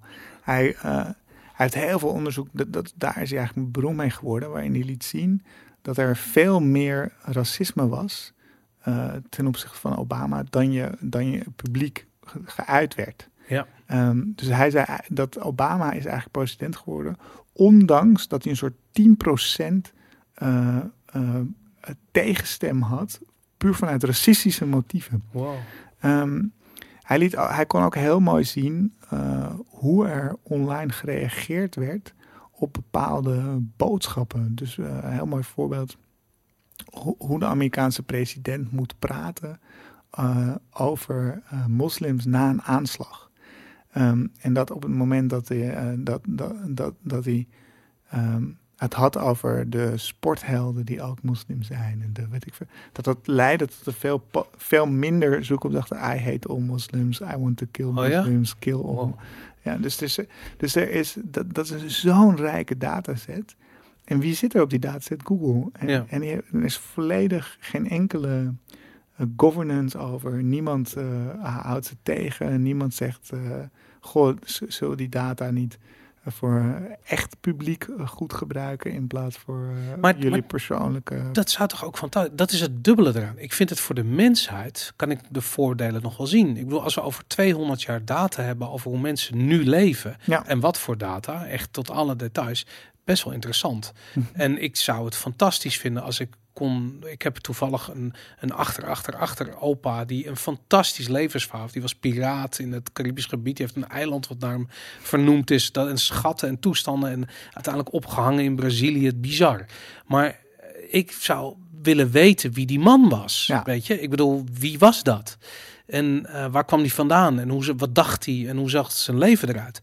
Ik weet niks. Ik weet zo'n stukje wat er van hem geschreven is in het Piraten-encyclopedie bij wijze van spreken. Ja. That's it. En daar mag ik blij mee zijn. Maar ja, dat is tof. Maar op individueel niveau, nu is het gewoon verschrikkelijk. Ja. En het, het, het rare is dat we nu dus, dat is een, weer een andere soort van contextverschuiving. Dat wat we nu verschrikkelijk vinden, is ongetwijfeld over 200 jaar eh, eh, standaard. Ehm, op een manier die we ons niet eens kunnen voorstellen. En levert heel veel data op over, eh, over de mensheid nu. Dus ook heel veel kennis. Ja, en dan kom- je toch weer, denk ik, terug op dat privacy als context. Dus ehm, eh,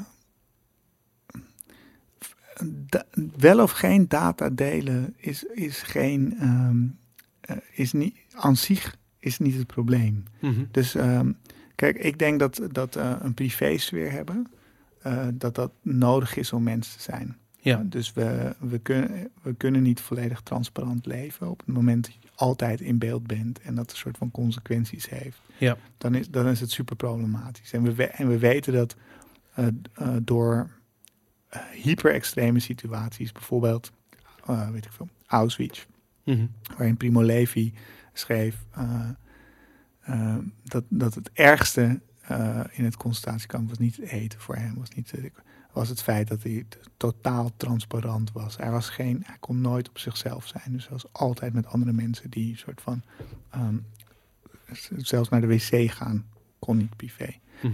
Ehm, dus dat is een, dat, die, die ruimte hebben we een soort van nodig. Ehm, en het is heel belangrijk dat je die kan nemen. Dus, Ja. dus een van de grenzen die ik super, zelf super belangrijk is, gewoon zeg maar de voordeur. Ja, op het moment dat eh, je naar binnen komt, en, da- en daar zit natuurlijk de, de overheid, die, die houdt zich redelijk aan die grenzen. Ja. De politie staat niet zomaar in jouw huis. Nou, Ehm, niet letterlijk. Nee, Figuurlijk wel. ja, dat zou, en, en, en dus digitaal is die huisgrens. Ja. eh, en daarom vind ik ook dat, dat mijn telefoon zo heilig is. Want die is net zo heilig als mijn huis. Ja. Ja, dus als ik, ik, ik weet niet, als een politieagent zegt: mag ik je hele huis door of mag ik je telefoon door Ja. kiezen? Dan denk ik dat ik voor mijn huis kies. Ja? Je- Eh, de, ehm, en, en, en het feit dat die bedrijven, die zitten in jouw telefoon, die, die maken jouw telefoon. ja. En, en, en die kijken mee in je huis. Dus daar, daar zit voor mij een, één probleem. Ehm, en het andere is dus heel erg over zeg maar, wie, wie heeft er baat eh, va- van de data die ik deel. Als, als, als eh, ik daar de baat van heb en ik heb daar ook regie over. En, ik, eh, ehm, en, dat is voor mij heel helder hoe dat werkt. Dan is het helemaal niet per se slecht dat er veel data verzameld wordt. Mhm. Ehm, maar het feit is wel dat in de huidige situatie we daar niet zijn. Is het ook niet dat je zelf geen eigenschap hebt over die data? Stel je voor dat je op een of andere manier zou kunnen zorgen dat die data van jou is en dat je ervoor kiest wat ermee gebeurt. Dat je zegt van nou, ik verkoop Mhm. het aan Google eh, of ik geef het cadeau aan Facebook Ja. of ik geef het cadeau aan de Belastingdienst, maar niet aan Google en Facebook. Ik zeg maar wat, weet je. Ik bedoel, Ja, dus ik ben, ik ben altijd een beetje huiverig voor een soort van de com commodificering van data. Omdat dat, dat de, de tweede stap. Dus dan betekent het zeg maar dat je. En dat is natuurlijk nu de facto ook wel een beetje waar. Dat je dus dan rijk moet zijn om privacy te hebben. ja, oké, ja, Ja. ja. Dus je wil, ja, je, je, zeg maar, jij mag ook niet je nier verkopen. Ook niet als je heel arm bent. Mag dat niet? Nee. Echt niet? Nee. Het is mijn nier. Ja, nee, maar dat, ja, dus je wordt tegen jezelf beschermd. Of je wordt eigenlijk tegen je omstandigheden beschermd. ja, dan zeggen, ja. eh, dus dan moet ik naar België en dan halen het, maar en, en is hetzelfde zou eigenlijk bepaalde dingen moet jij niet. ehm, dus ik denk dat het verstandig is dat bepaalde dingen eh, niet mogen of bepaalde praktijken niet mogen. Maar ik denk wel dat het heel belangrijk is eh, dat je echt regie hebt over je data. En Ja. zeker in de relatie tot de overheid. Dus als je nu kijkt, eh, nu is het zo dat je bij heel veel overheidsinstanties zijn gegevens van jou. Uh-huh. En vaak zijn die gedupliceerd en die kloppen dan dus ook niet per se altijd. En het is niet helder eh, welke overheidsinstantie bij welke. dus zeg maar, hoeveel overheidsinstanties kunnen redelijk makkelijk zien dat ik dat strafblad heb, waar we het eerder over hadden. Ik heb geen idee. Wat, En- wat denk je serieus? Nou, dat ik- is toch alleen de politie?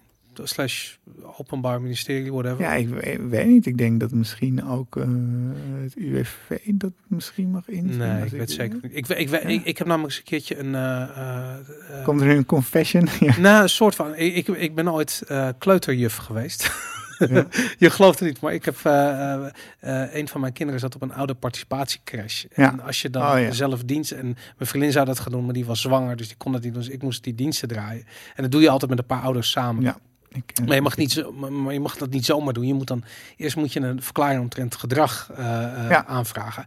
En ik had ook zoiets van jezus, wat gaat daar godsnaam in naar voren komen? En toen eh, legde ze ook uit van nee, je hebt hele specifieke. dus als jij een ont- verklaring omtrent gedrag nodig hebt, als je omdat je kleuterjuf wil zijn, Mhm. dan kijken ze eigenlijk alleen maar naar alle dingen die relevant zijn voor het zijn Ja. van een kleuterjuf, bij wijze van spreken. En dat, nou ja, goed, je bent leraar geweest, dus je hebt waarschijnlijk hetzelfde Ja. moeten doen. Dus, de- maar eh, eh, als jij een vals eh, identificatie ding laat zien, wat bijna als journalistachtige actie was, ik bedoel, het Mhm. lijkt op onderzoek, ehm, dan gaat, dat maakt niet uit. Dus het, ik- ik, denk dat dat nog wel best wel goed afgeschermd is.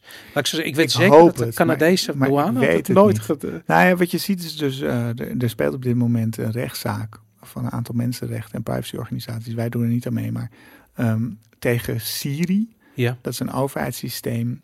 eh, dat sta, Siri staat voor systeem, eh, indica, systeem risico-indicatie. ja, En die maakt het mogelijk voor de overheid om makkelijk verschillende datasets aan elkaar te knopen in het kader van bijvoorbeeld fraudebestrijding. ja, ja, ja. Ehm, dus wat je ziet is dat die systemen veel sneller aan elkaar gekoppeld worden, want dan kan je mooie patronen zien en het is Ja. hartstikke nuttig. En zeg maar, het is altijd of veiligheid, of fraude, of eh, misbruik, Mhm. wat we tegen willen gaan. ja. En dan kunnen we het eh, fixen. En ehm, wat ik de ideale situatie zou vinden, denk ik, in de relatie tot de overheid, is dat bepaalde gegevens hebben, zeg maar. Dus het is niet zo dat ik per se de eigenaar ervan ben, maar ik moet er wel regie erover hebben. Dus bepaalde gegevens horen thuis bij bepaalde overheidsinstanties. Mhm.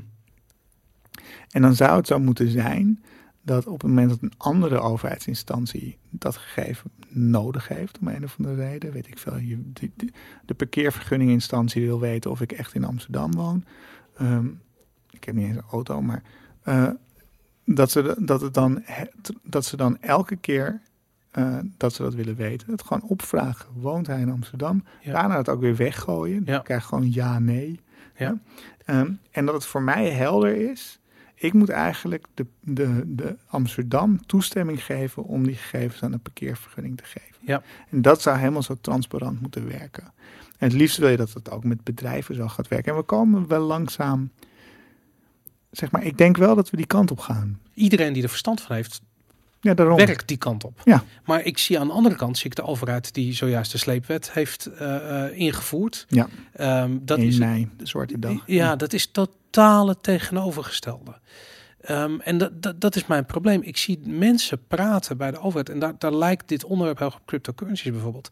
Er zitten daar mensen in de, in de regering, in de Tweede Kamer, die echt geen flauw idee hebben van de rijkwijde van het onderwerp. Mhm. En, omdat ze, en dat is eigenlijk het goede van wat er gebeurd is met Facebook en met Cambridge Analytica. Dat het voor het eerst is dat er politieke gevolgen kwamen aan, eh, aan misbruik van data.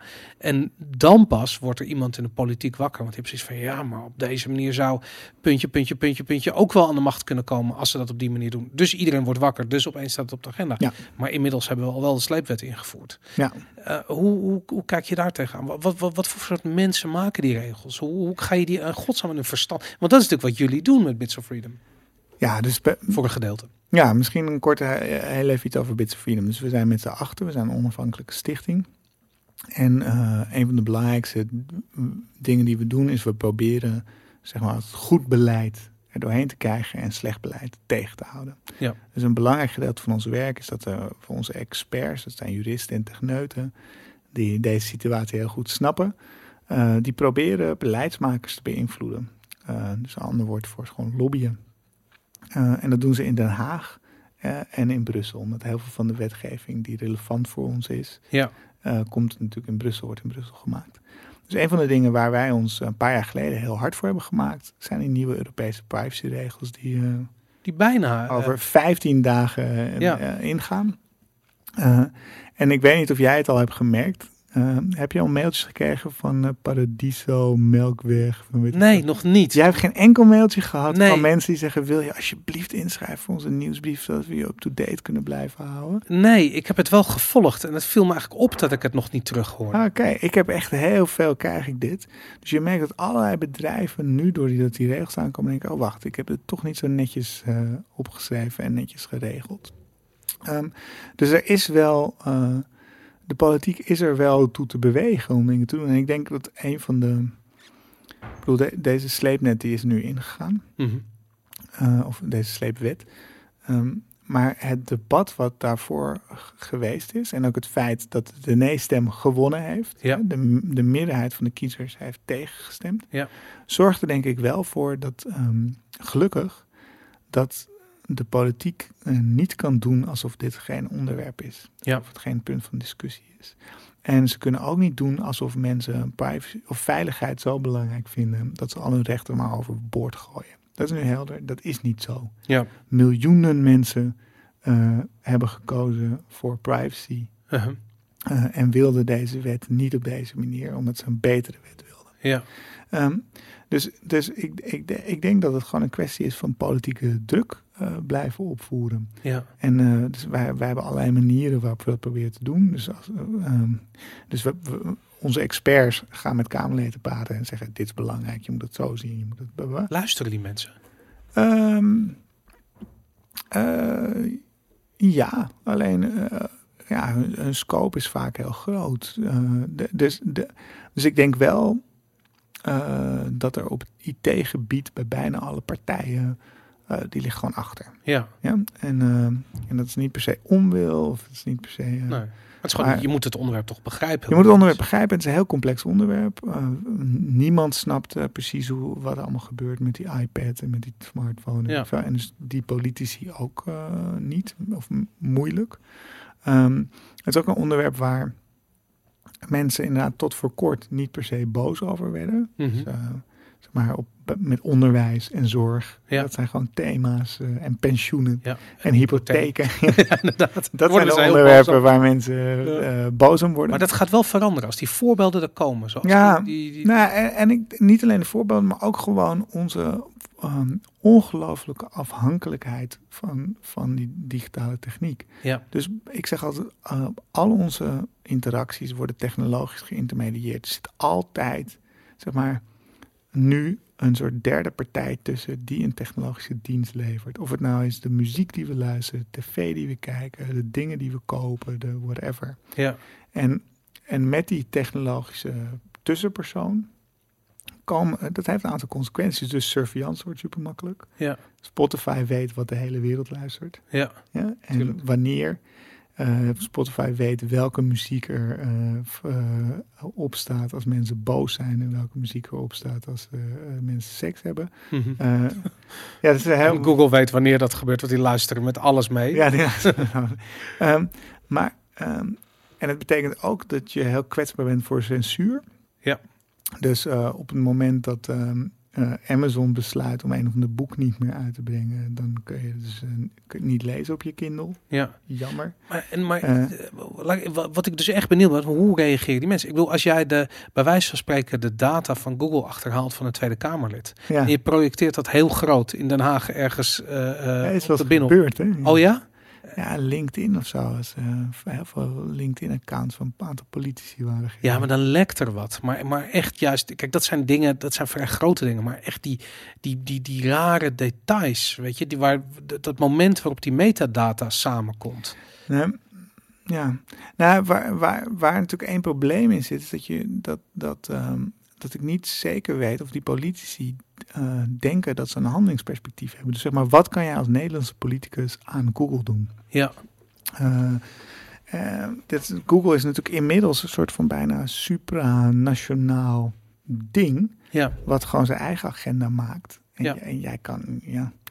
Ehm, en, en dat is dus de reden waarom het zo belangrijk is dat, eh, dat, dat, dat we dat op Europees niveau heel goed want die regelen. kunnen, maar die kunnen boetes uitdelen. En Die kunnen boetes uit. Ja, maar die boetes zijn zo serieus dat Ja. je ziet dat Google en Facebook aan het bewegen zijn.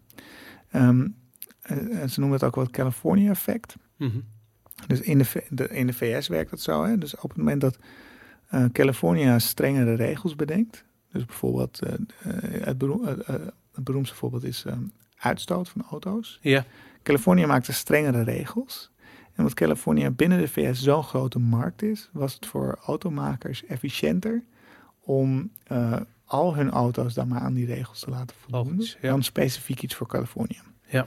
Dus doordat Californië wetgeving keerde, werd heel Amerika beter van in feite. Ja. Hetzelfde zie je met de Europese privacyregels. Europa is zo'n grote markt, een paar Mhm. honderd miljoen mensen, Ja.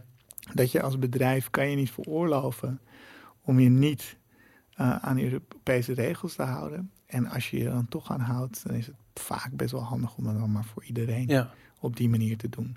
Dus als, als Europeanen hun data mogen wissen en mogen downloaden, ja, dan, en, en je moet dat toch al implementeren, dan kan je dat net zo goed voor iedereen doen. Maar als we dan op Europees niveau zometeen regelgeving krijgen die misschien wat, wat progressiever is of wat, wat intelligenter is dan Mhm. wat er nu gebeurt met die sleepwet, betekent dat ook dat we hier straks die sleepwet straks weer kwijt zijn en dat al die data vernietigd moet worden? Of zitten we tot in het einde der dagen Ik hoop vast? het. Ja. Nou, dus er zijn wel spelregels over hoe lang die data mag bewaard worden, et cetera. Ook, ook binnen, de, binnen de sleepnet. Wij vonden, eh, wij vonden alleen die bevoegdheid veel te breed. Dus ehm, Het is alles, al het verkeer. ja, het is ongericht. Ja. En dat, dat, daar zit voor, voor mij echt het grote verschil. Ja, want straks is er een contextverschuiving en wordt die, die data gewoon misbruikt tegen. Ja, en straks hebben we andere. Ja, je moet. Kijk, ik weet niet wie jouw politieke nachtmerrie is, maar je, je wil dat die data zeg Politiek maar. is mijn eh, nachtmerrie hoor. Ja, of het nou, eh, zeg maar, dit, of, of eh, je, je kan misschien de huidige regering denken, nou, die willen er niks fout mee doen. Maar als, weet ik veel, Jesse Klaver aan de macht komt, of Thierry Baudet, Ja. of Geert Wilders, of Lilian Marijnissen, of whatever, ben je daar dan ook zeker van? En ehm, nou ja, wij, wij gaan naar de rechter, hè, voor de, s- voor, voor, de sleepwet, Dus ja. we gaan, en, en, en, en dat is een bodemprocedure. Dus wij denken, Mhm. in Nederland kun je niet toetsen aan de grondwet. ja. Maar je kan wel, Nederland moet zich wel aan de Europese mensenrechten eh, handvest houden. Dus Ja. eh, wij hebben gezegd, er zijn mensenrechten. Nederland vindt die belangrijk. Ja. Ehm, en wij gaan geen wetgeving invoeren die daar niet mee strookt. Ja. En het idee is dus dat wij gaan laten zien dat deze wetgeving ermee strookt. Omdat eh, ja, het is in feite niet proportioneel. ja, dat is het Eh, dus je, je, je, je, je, om te checken of er ergens iemand iets fout doet, ga je niet eh, iedereen tappen. Eh, en we verwachten dan ook dat de rechter, de Europese rechter, gaat zeggen dat dat niet oké is en het van tafel veegt. Dat is met eh, de bewaarplicht gebeurd. Ik weet niet of je nog weet wat Ja, is. ja, klopt. Telefoonmaatschappijen moesten eh, eh, ja, belgegevens en Ja. data. En dat was ja. Europese wetgeving zelfs. Ja, Ehm, die in alle landen op een bepaalde manier ingevoerd mocht worden. Landen mochten een, een aantal dingen kiezen, hoe lang en weet ik, van zo tot zo lang. ja, Nederland koos daar trouwens allemaal best wel ja. heftig voor. Ehm, en die wetgeving is in Europa uiteindelijk ehm, door een Ierse zaak eh, afgeschaft. Ja, Ehm, toen, toen deed Nederland alsof voor haar neus bloeden. Hè? Dus Mhm. was, nou, dat hebben we niet gezien. Dus die, dat ging gewoon door. ja, En toen is er een rechtszaak gevoerd die zei: hey, luister, mag niet volgens Europa. Ja. We kunnen dat gewoon hier niet doen. ja. En toen is het gekapt. Dus de bewaarplicht is op dit moment weg. Er is nog geen alternatief. Wat goed. Maar ja, goed, dan hebben we de sleepwet. En die Ja. gaat nog eventjes een paar stappen verder natuurlijk. Ehm, eh, ja. eh, Kijk, het wordt nog niet gebruikt. maar dat is de vraag. Kijk, de, als je aan de ene kant weet dat in 2000, wat was het, 13 of 14, eh, Snowden al zo ontzettend veel onthuld, onthuld heeft over wat de NSA en de CIA en de FBI, wat er in Amerika allemaal gebeurt als het gaat om, om, om, wat ze voor tools ze hebben om data te analyseren. ja, sick. Nou, Ja. je, je kunt er gewoon vanuit gaan dat eh, alle NAVO-partners met elkaar strategische data delen. Ehm, ik weet niet of het zo is, maar ik ga er gewoon voor het gemak maar vanuit. Voor de zekerheid. Voor de zekerheid Ja. ga je ervan uit. Net als dat eh, de Amerikanen alles delen met de Britten en de Australiërs. Die hebben die Five Eyes toestanden.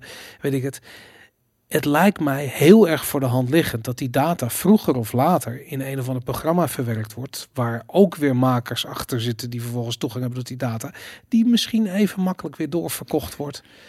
Nou ja, ik vind dat er dus inderdaad echt een aantal pro- problemen in die sleepwet zit. Dus de, de, een van de argumenten van de voorstanders voor die wet eh, was van ja, we willen als Nederland eh, eh, een ehm, geheime dienst hebben die ca- capabel is. Mhm.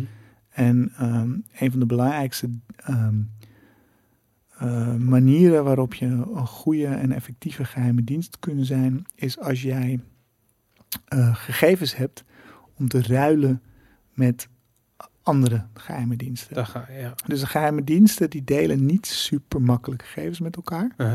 Eh, je hebt wel Amerika, die heeft die Five Eyes, dat Ja. deelt alles met elkaar. Ja. Nederland heeft een tijdje daar, ehm, eh, eh, volgens mij in Afghanistan of zo, eh, ha- hadden wij een goede informatiepositie, waardoor we bij die Five Eyes in tafel mochten zitten. Oké. En dat was voor de Nederlandse geheime dienst gouden tijden schijnt. ja. Dus een soort van, we mochten met de big boys meedoen. Ja. Ehm, en dat, dat zit er wel een beetje achter om mee te kunnen blijven doen. Ja. Ehm, nou, ik, ik weet niet per se of, dat, of ik dat een goede reden vind. Mhm. Ehm, en helemaal niet, omdat eh, op het moment dat je.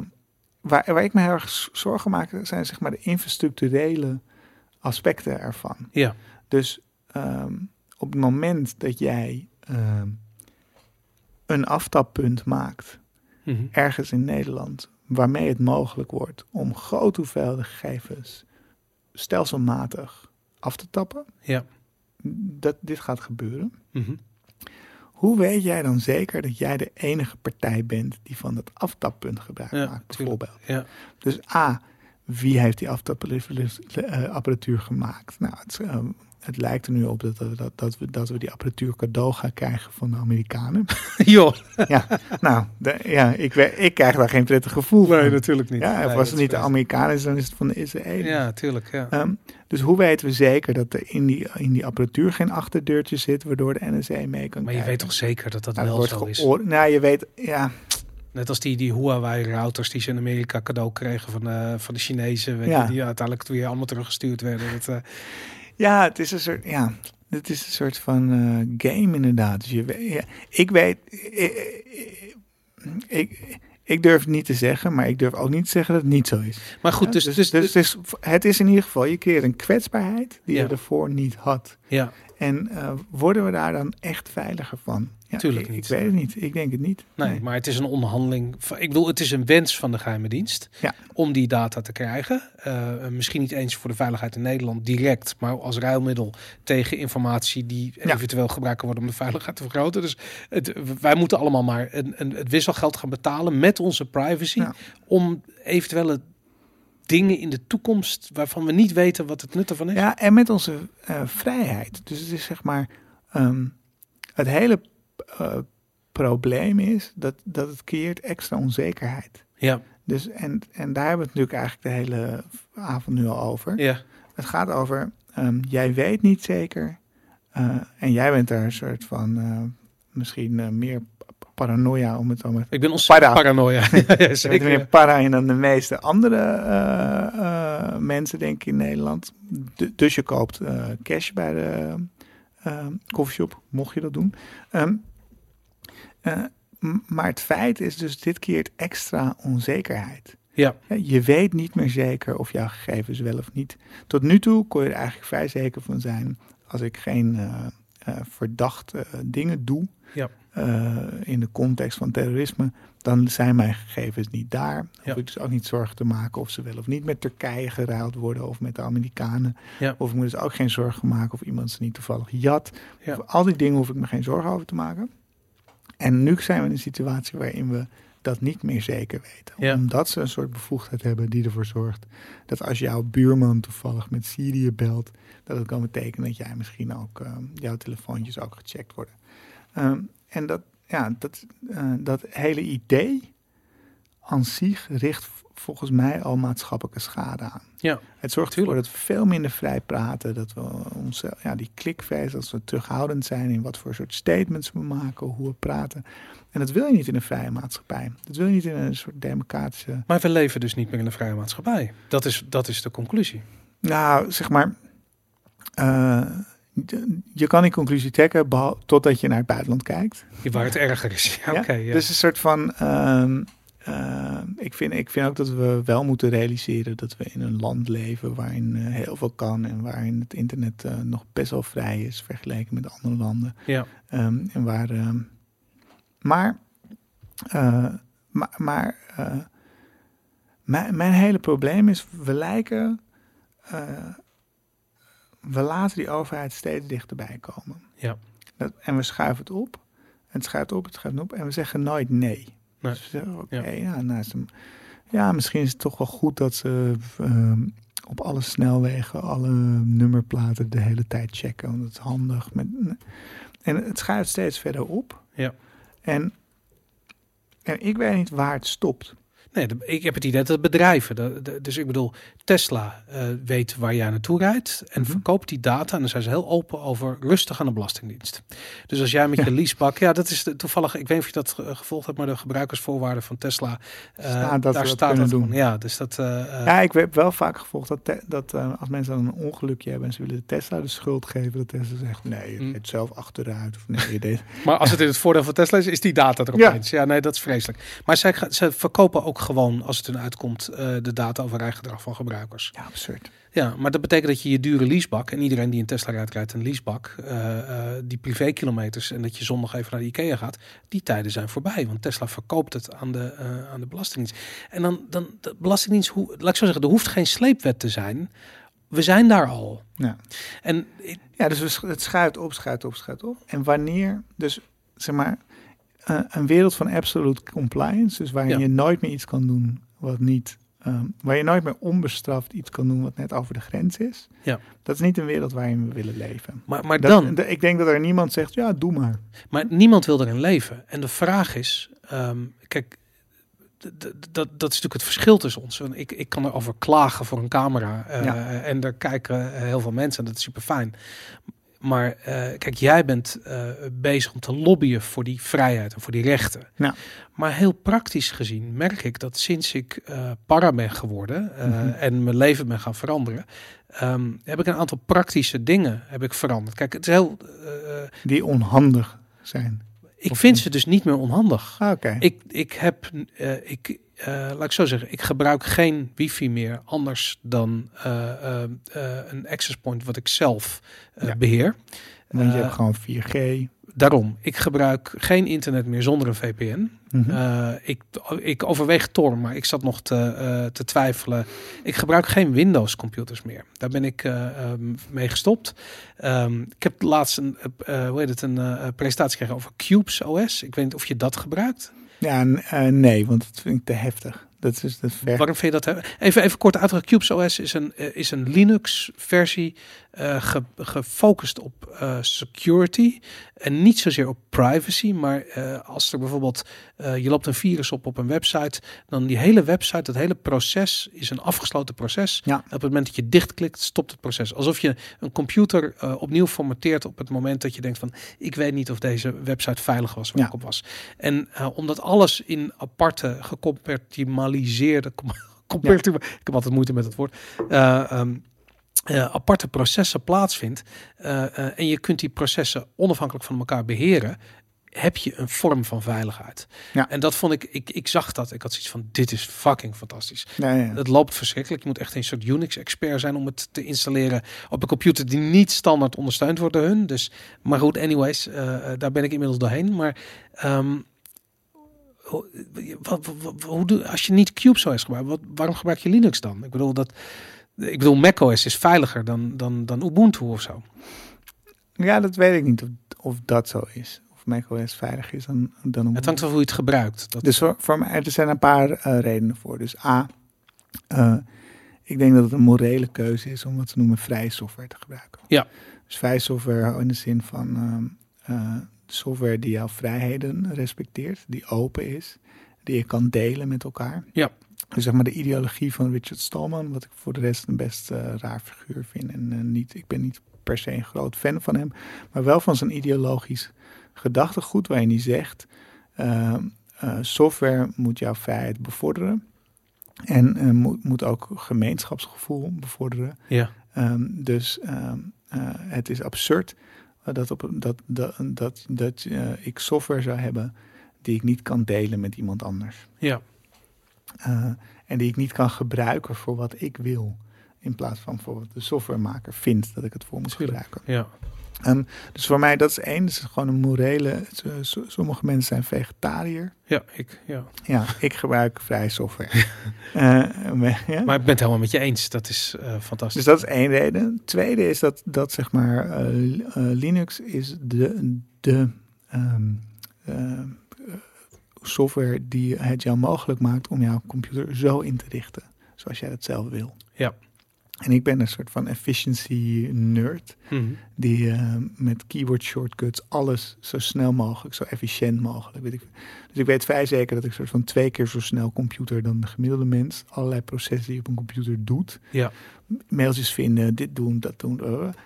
Kan ik veel sneller dan de, dan de gemiddelde gebruiker. Ja. Omdat ik daar heel erg over heb nagedacht. En omdat Linux het voor mij mogelijk maakt om, eh, weet ik veel, het zijn, het zijn super kleine dingen. Uh-huh. Eh, de datum. Ja, eh, ehm, ik, ik, ik noem mijn bestanden altijd omgekeerd. Hè? Dus eh, 2018, Tuurlijk, ja, doe ik ook. ja. 0510, omdat dat lekker sorteert. ja. Nou, dus de datum op mijn Linux computer staat 2018 05 010 vandaag. Ja, oké. ja. Ehm, eh, omdat je dat makkelijk zelf mooi kan configureren. Uh-huh. Dus ehm, het andere is, eh, ik denk dat heel vaak met soort van je eigen veiligheid, ehm, de- denk ik dat een slimme filosofie is die je ook met je huis zou moeten hebben. Ja. Jouw huis moet zeg maar net beter beveiligd zijn dan de buren. Ja? Zodat ze daar in berekening bij jou. Ja. En hetzelfde denk ik eigenlijk met computers eh, voor gedeelte. Dus Mhm. Er zijn er twee. Als ze mij moeten hebben, dan lukt het ze toch wel. Ja, dus ik denk dat ik, eh, mocht de NSC geïnteresseerd in me zijn, Ja. ik vermoed het niet, Mhm. niet op, niet op mij als individueel niveau, Mhm. dan kunnen ze me eh, hacken of whatever. Eh, Ja. ik, ga, ik heb geen enkele illusie. Er zit Dat echt wel een, ja. een fout ergens in de software die je gebruikt. Ja, of, of ik maak zelf een fout, of eh, eh, ik laat mijn computer een keer eh, net te veel uit het oog. Ja. ze kunnen, dus eh, zeg maar, ik ga ervan uit dat als ze me willen hebben, dan kunnen ze toch wel. Mhm. Dus ik wil maar eens meer voor de generieke threads. Eh, en dan denk ik dat je met Linux best wel goed zit. Ja. Omdat gewoon eh, zo weinig gebruikers zijn. Dat als jij een crimineel bent en je wil eh, ransomware maken, Ja, dat is natuurlijk. Dat dan gebruik je ja. het. Dan maak je het voor een Windows gebruiker, voor een Apple gebruikers, maar niet voor Linux gebruikers. Dat klopt inderdaad, ja. Ik, en, ik, en wat het probleem is met cubes is, is zeg maar, het zit te veel je workflow in de weg. Dus ehm, als ik een... ehm, Geef eens een voorbeeld. Ja, ik heb cubes nooit ge- gebruikt. A, omdat ik dus niet de tijdinvestering kon maken tot nu toe om Ja. dat te doen. Maar ik, ik heb een collega die, die, die werkt ehm, vrij veel met dit soort vi- virtuele computers. Ja. Dus dan krijgt hij een e-mail met een pdfje. Dat is Ja. gefixt nu. Ik wist dat je dat voorbeeld ging geven. En bij cubes kan dat nu makkelijk. Cubes 4, er is, een, er is Ja. een nieuwe versie van Cubes. En dan hebben ze dat eindelijk, dat je tussen die virtual machines die files kunt uitwisselen. Dat is Ja, dat, klaar. want daar zit natuurlijk het probleem in. Dus dan, Ja. dan durfde die pdf niet te openen, want dat, eh, daar kan een soort virus in zitten. Dus dat wil je dan inderdaad in zo'n container doen. Ja. Eh, maar dan moet je dus eerst naar die andere container switchen. Dan moet je daar dat mailtje openen, weer zoeken, whatever. Dus er zit gewoon een soort... ehm, ehm, en hij houdt dus inderdaad dan wat scripts om dat te automatiseren. Ja. Maar ehm, ja, het gaat ook over hoe...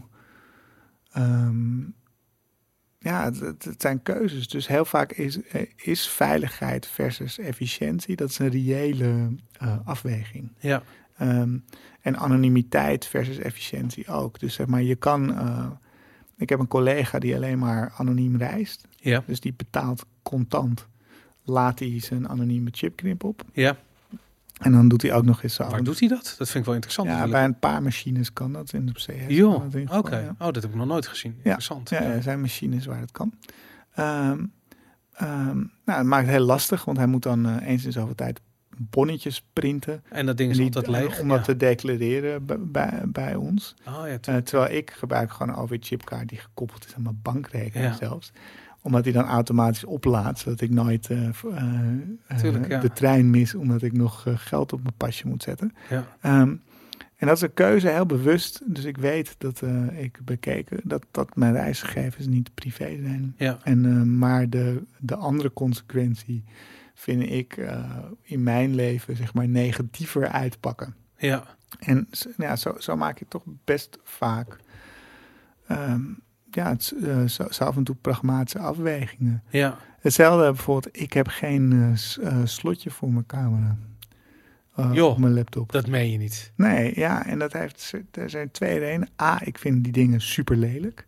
Dus ik, ik heb geen, ik zeg maar, ik kijk echt Ja. toch minstens acht uur per dag. Uh, Naar dat scherm. Meestal Naar negen, naar dat scherm. Je hebt best wel mooi gedesignde dingetjes. Ja, wij hebben, ja, best wel mooi. We hebben, je kan ze ook bestellen bij ons. Ja, dat wou ik je zeggen. Ja, jullie hebben ze zelf, ja. En bijna al mijn collega's hebben het ook zelf. Maar eh, ja, ik vind het A, gewoon lelijk. En ik vind het... ehm, het is ook bijna een soort principe kwestie. Ik wil mijn computer kunnen vertrouwen. En ook al is het misschien naïef. En ook al is het misschien makkelijk dat iemand Ja. mijn webcam over. Dan geef ik mezelf liever, hou ik mezelf liever een soort van de illusie voor dat het niet zo is. Ehm, maar het is wel grappig. En dat, en dat gaat dus ook wel over context. Ik heb geen kinderen. Uh-huh. Ehm, en dus eh, het ergste wat er kan gebeuren is dat iemand mij in een soort rare pose ziet eh, Ja. achter mijn laptop. Mhm. Ehm, en ik, ja.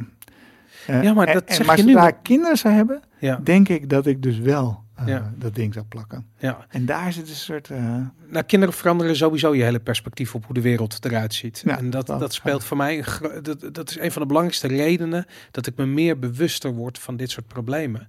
Ehm, en er oplossingen voor wel. En, en eh, eerlijk gezegd, eh, mijn kinderen zijn jong, mhm. maar de oudste, daar ben ik nu al heel erg mee aan het praten over hoe computertechniek werkt. En hij vindt het heel interessant. Mhm. Dus eh, eh, als we het hebben over wifi, dan hebben we het ook gelijk over het eerste wat hij zei is, kunnen andere mensen dan ook contact maken met het? Ik zei ja, en daar doen we dit en dit tegen. Ja. Maar, puntje, puntje, en zo ga je nadenken over hoe, hoe die architectuur werkt. En eerlijk gezegd, ik, jij zegt van, ik wil niet leven met het idee dat ik bekeken word door je eigen computer. Ik heb het tegenovergesteld. Ik wil zeker weten hoe Ja. erg het ook is. Ik wil zekerheid. Dus dan ga ik er maar vanuit dat ik constant 24 uur per dag door mijn camera bekeken word. Ehm, en dan plak ik het af. En het, het, het, het, het- de rare tegenstelling is, is dat, nou, jij ook, wij zitten hier allebei volledig vrijwillig Ja. voor camera's. Het wordt live gestreamd. Ja. Dit is tot in de eeuwigheid terug te luisteren op allerlei verschillende podcastplatformen. Ja, gaat, zitten- wat ik hier zeg gaat nooit meer weg. Eh, Daarom, ik bedoel, er zitten eh, honderden, zo niet, ja, nee, niet duizenden, maar er zitten zeker eh, tegen de duizend kijkers live mee te kijken. Die, die kijken allemaal mee. Maar het feit dat je die keuze hebt om die sticker er wel of niet voor af te halen. Wij zitten hier, het is een keuze. We, we vertellen een verhaal waarvan we zoiets hebben van ja, dit willen we delen met de wereld. Dat is cool, weet je. Ja. Maar ik wil niet dingen met de wereld delen die ik niet met de wereld wil delen. En zeker niet met Google en, en, en god weet wie er allemaal nog meer aan het meelezen is. Dus daarom heb ik precies van, ik wil die wereld controleren. En eh, dan maar alles op slot. eh, en dan kijken we dan wel weer eh, wat ik open zet. Ja, maar ik denk, ja, ik denk ook echt dat mijn camera niet zomaar aangezet Omdat je. Linux hebt. Dat scheelt. Nou ja, dat is één, dat is één reden. eh, en omdat ik niet denk dat ik een target ben. Eh, dus het is niet per se een reden dat er niemand is die. Maar daar begint het toch mee. Dat Ja, is dat, dus de challenge voor de wereld. maar stel je voor dat je in de toekomst iets doet... ehm, wat je een target maakt met terugwerkende kracht. Dus de dingen die je nu doet... in een ander daglicht zit. Ja. eh, Die, en we- je, je zegt zelf van... oké, Nee, maar op het moment dat ik zou weten dat mijn camera tijd aanstaat, ja, dan zou ik hem afplakken. maar je gaat er toch vanuit dat dat zo... Nee, ik ga ervan uit dat bij mijn computer dat niet zo is. Ja, nou ja, goed, ik, ik snap dat ik paranoia ben. Dat, dat, dat begrijp ik echt. Ja. En, ehm, ja, er- d- we zullen het nooit weten natuurlijk, wat er wel en niet de hele tijd gebeurt. Ik weet alleen dat het kan en dat het makkelijk is. Hetzelfde geldt voor Android overigens. Ik bedoel, dat, eh daar ja, de hele heb je dag ook naar te staren. heb je- ja, heb Nee, dat heb ik dus niet afgepakt? Ja, nee. moet dan ook. Nee, maar ik, ik, ik vind mijn, mijn telefoon is een groot probleem. Ik realiseer me dat dat op dit ogenblik de schakel is in alles wat ik doe. En ehm, ik heb zelfs meerdere, ehm, eh, ehm, meerdere nummers of meerdere simkaarten voor verschillende soorten situaties. Ik wil niet te veel in detail treden, maar ik, ik realiseer me gewoon dat dat de zwakke schakel is. Want, en ik weet niet hoe, hoe ik daarmee om moet gaan. Ik, ik, moet een, ik, ik moet Cubes OS voor mijn telefoon hebben. Ja, dat is wel grappig. Ik, ehm, ik heb geen WhatsApp. Ja. En ik moest laatst, eh, was ik in een situatie waarin ik WhatsApp gewoon nodig had. Mhm. eh, voor een paar dagen. Ja. Namelijk, eh, ik deed mee aan een soort game met 30 mensen. En er moest heel veel gecommuniceerd worden met elkaar. En als je wilde winnen, moest je gewoon... je dat ging niet via Telegram. Nee, dat ging via WhatsApp communiceren ze. En eh, toen heb ik dus inderdaad een simkaart gekocht. eh, om WhatsApp mee te activeren op mijn telefoon. Ja. Omdat wat ik niet wilde, en ik kon gewoon niet van tevoren weten of dat wel of niet zou gebeuren. Ja. Ik wilde niet dat al iedereen die zeg maar mijn telefoonnummer in zijn telefoon zou hebben, van WhatsApp het bericht zou krijgen: Hans is op WhatsApp. Ja. Eh, en dan eh, zouden ze natuurlijk. eh, en, Ik dacht niet of dat gebeurt. ja, ik denk manier. dat dat wel gebeurt eigenlijk. Ja? Maar, ik- maar nee, dit is dus precies het voor. Who knows? Ja, daarom. Ja. Dus de enige manier om zeker te weten dat dat niet gebeurde, was door WhatsApp een ander nummer te geven, namelijk van een andere Ja. simkaart. Ja. En het is wel grappig, want dat, dat, dat staat dus nu nog steeds wel op mijn telefoon. Ja. Alleen niemand communiceert met me, want niemand heeft dat nummer. Ja, nou, ik, ik, ik, ik denk dat het slim is. En ik realiseer me bijvoorbeeld een van de eh, grote fouten die ik ooit heb gemaakt, is om onder mijn eigen naam GameKings te gaan presenteren. Niet dat ik een valse naam zou willen doen, maar ik realiseer me dat er behoorlijk wat gevolgen zijn voor het publiekelijk bekend zijn van mijn achternaam. Ja. En wat is nou een achternaam? Wat is, het is bizar. Weet je? Ik bedoel, ik kan me alles noemen. Weet je, Ja. waarom moet dat op die manier? Geen geboortedatum, maar nog. Dat soort dingen. Nou ja, goed. je, Maar vooral dat, dat met die naam. En, ik, en, en de, de- je wil niet weten hoeveel mensen gewoon een voornaam, achternaam, uit- uit gmail.com gebruiken. En god weet wat niet daaraan vastkoppelen. Dat is insane. En dat, eh, Ja, dat merk dus. ook- Dus, dus ehm, ik heb. ehm, ik, ik, ik zit bij een eh, Greenhost. ja. Die vertrouw ik. Eh, dus die host bijvoorbeeld mijn persoonlijke e-mail. oké. Ehm, ehm, en eh, omdat ik denk dat zij dat beter kunnen dan als ik het zelf, eh, normaal zelf zou doen. Want ik denk dat zij de backups op orde hebben en al dat soort dingen. Oké. Ehm, en ik vind het leuk dat het geen grote club is, maar een kleine club die ook nog bewust met klimaat omgaat. En ik heb dus allemaal mijn eigen diensten daar draaien. Dus bijvoorbeeld, ik gebruik geen Dropbox, maar ik heb een Nextcloud installatie die bij hun draait. Ja. Ehm, zodat ik.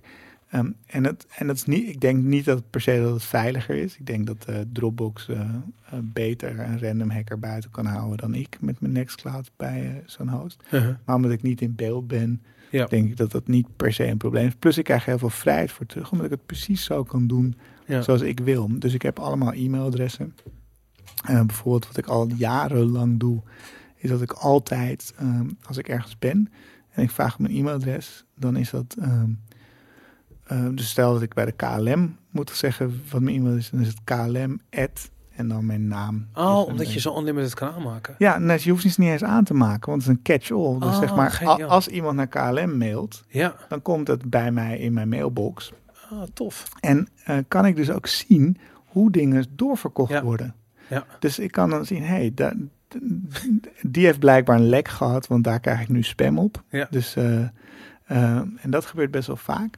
Maar, maar mijn domeinnaam heeft mijn naam in zich. Mhm. En dat vond ik, eh, dat begin ik nu dus een probleem te vinden. Ja, Want ik koop dan anoniem een kaartje bij een theater. Ja.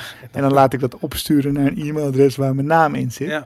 Dus ik heb nu een, eh, een ander eh, e-mailadres die met de Big Lebowski te maken heeft. Je bent en een ik kan fan van de Big Lebowski. ja, Ik ben een heel groot online. fan van Big Lebowski. En dus ik kan nu mailen alsof ik Donnie ben, of Walter, of de Dude, of de Nihilist. Dus, Tof, ja. Ehm, en nu heb ik dus wel een manier om het te doen. Maar ja, je moet inderdaad dingen isoleren, dingen. En, en zeg maar, computer nerds, die hadden het al heel lang door, hè, dat je niet je eigen naam moet gebruiken. Ja.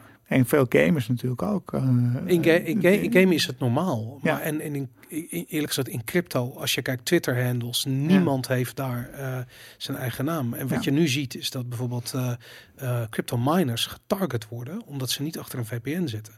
Ja. Dus miners worden letterlijk getraced en proberen sterk, omdat iedereen weet, als je een miner hebt, dan zit er waarschijnlijk wel een wallet, dan staat waarschijnlijk wel wat op. Maar we hebben natuurlijk heel vaak de, de, de paradox. Arno Grunberg heeft er wel eens een keer eens moois gezegd. Die zegt, aan de ene kant willen we privacy. Ja, Aan de andere kant wil iedereen ook gezien worden. ja. Absoluut. Ja, als niemand op jouw Instagram-post klikt dat ze geliked worden. Dus we hebben, we, we hebben allebei die tendensen in ons. ja. Ehm, en als je natuurlijk inderdaad eh, een gedeelte van je business afhankelijk is van je personal brand of zo, dan ja, dan. dan eh, Je, je hebt geen keus. En dat is natuurlijk met die vloggers zie je dat natuurlijk heel veel. Hè? Die, die stoppen hun echte Ehm, Alles, relaties, hun ziel Ja. en zaligheid gaat Ehm, online. dat, eh, ja, dat, ik vind dat heftig om dat te zien. en vaak zijn het kinderen die echt geen idee hebben wat ze aan het doen Ja, zijn. ook nog eens. Want dat vind ik wel interessant. Kijk, jij bent natuurlijk ooit begonnen als, als gymleraar. Mhm. Maar het feit dat je dus begint in je carrière met het leren van dingen aan kinderen. Ja. Ik heb sinds ik kinderen heb, realiseer ik me dat het begint bij kinderen leren omgaan met technieken. Ik bedoel, alles wat er nu mis is met privacy heeft te maken met dat mensen zich niet gerealiseerd hebben wat ze hebben weggegeven, wat er gebeurd is. Ik bedoel, als de kennis die we nu hebben, bij wijze van spreken 15, 20 jaar geleden eh, aanwezig was, zou het er misschien nu anders uit hebben gezien als het gaat om hoe we met data omgaan. Nou ja, sterker dus ehm, ehm, wat je ziet is dat er, dat er dat eigenlijk heel veel eh, technologie eh, wordt gemaakt door nerds. Ja. En nerds vertrouwen de wereld en vertrouwen elkaar. en, eh, eh, en, en, en, en dus wat je ziet is dat heel veel dingen worden ontwikkeld eh, vanuit het perspectief dat er vertrouwen is Ja. en dat er goede intenties zijn. Ja. En dat iedereen die, weet ik veel, op het netwerk is of binnen is, oké is. Dus eh, ehm, als je ziet naar hoe, gewoon naar de basale internettechnologie, dan is dat, zeg maar, elke router routeert alle pakketjes waar ze ook vandaan komen. Ja. Want dat, zo werkt het gewoon in het packet switch netwerk of whatever. Ja. Dus je ziet dat, dat, dat vertrouwen zat er vanaf het begin in. Mhm.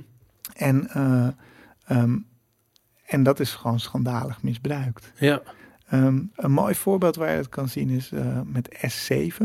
Dat is een soort technologie waarmee eh, telecomproviders, letterlijk voor mobiele telefonie, Ja. of eigenlijk ja, voor, ja, voor mobiele telefonie, eh, met elkaar eh, informatie uitwisselen over ehm, klanten. ja, Eh, die, dat zorgt er bijvoorbeeld voor dat een gesprek wat jij in Nederland begint en je loopt de grens over, dat het soort van door kan gaan qua roaming. ja, Ehm, eh, dat als er als jij je telefoon wilt doorschakelen, eh, zodat als jij gebeld wordt, dat het automatisch bij mij overgaat. Mhm. Dat wordt gedaan met S7. ja, Nou, eh, ehm, in S7 kan je ook eh, vinden waar jij bent. Want Ja, dat is belangrijk om het ja. Drie palen. Ja. Ja. Drie, ja. Ehm, S7 is er altijd van uitgegaan dat de gebruikers van S7 allemaal te vertrouwen zijn. Ja. Het zijn alle netwerkleven, alle telecomlevers. Bizar. Maar wat blijkt, je kan dus voor een paar honderd dollar toegang kopen tot S7. En dan Joh. kan je gewoon helemaal losgaan. Dus is op, ik las het eh, ja, twee jaar geleden op een hackercongres. Nee, het is gewoon toegankelijk. nou ja, je, Nog eh, Het of je, je hebt telecomleveranciers die dat onderhand soort van die toegang doorverkopen natuurlijk. Wow. Want als jij het een van een van de VoIP, uh, is echt gewoon... eh, Maar, ik wil Steven, als je iemand Nee, wil zeg maar- volgen, dan hoef je nee. niet meer te volgen. Dan koop je voor een paar honderd eh, euro koop je toegang tot S7. ja, en dat volgen hebben ze dus zeg maar... dus bijvoorbeeld eh, KPN heeft dat nu stopgezegd. Dus Ja. je kan niet als willekeurige... Want dat was ook zo. Dat was gewoon in een trust system. Ja, Dat er geen requests kwamen om te weten waar jij was... als Ja. het niet van een partij was die dat nodig had. ja, ja. ja. Ehm, maar nu blijkt, hey, er is dus misbruik, dus dan heeft KPN dat uitgezet. Dus dan moet je een soort van laten zien als S7 gebruiker, waarom wil je dat eigenlijk weten? Hebben alle providers dat uitgezet? Nou, weet ik niet. Dat is- ik, denk niet ik denk niet alle, maar ik denk wel alle grote Jezus. serieuze. Ja, Maar, maar een ander, zij, zij liet een super mooi voorbeeld zien. ja, eh, hoe ze letterlijk eh, ehm, eh, konden doorgeven via S7 ja, het telefoonverkeer van Boris ja. moet eerst naar mij en dan door naar Boris. Zo. Konden ze gewoon. Dus nee, de telefonie, dat is eigenlijk gewoon. Dat is gewoon stuk. kapot. Dat is gewoon Ja. stuk, ja.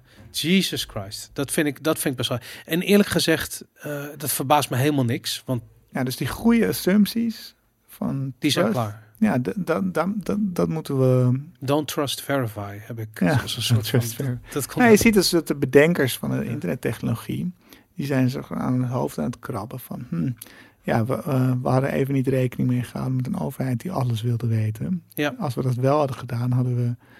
eh, e-mail heel anders bedacht. Ja, hadden we het, eh, het, ehm, het domeinnamesysteem heel anders bedacht. Al die dingen zijn we nu proberen veilig te maken Ja. op basis van een technologie die ervan uitging dat alles, ja, dat, dat, dat eigenlijk iedereen te vertrouwen was. ja. En dat is natuurlijk ook een beetje, Interessant man. ik denk dat zeg maar de, de cryptocurrencies, Uh-huh. ehm, of uh, blockchain technologie in het, in het algemeen, daar zit dat expliciet vanaf het begin Ja. niet in. Hè?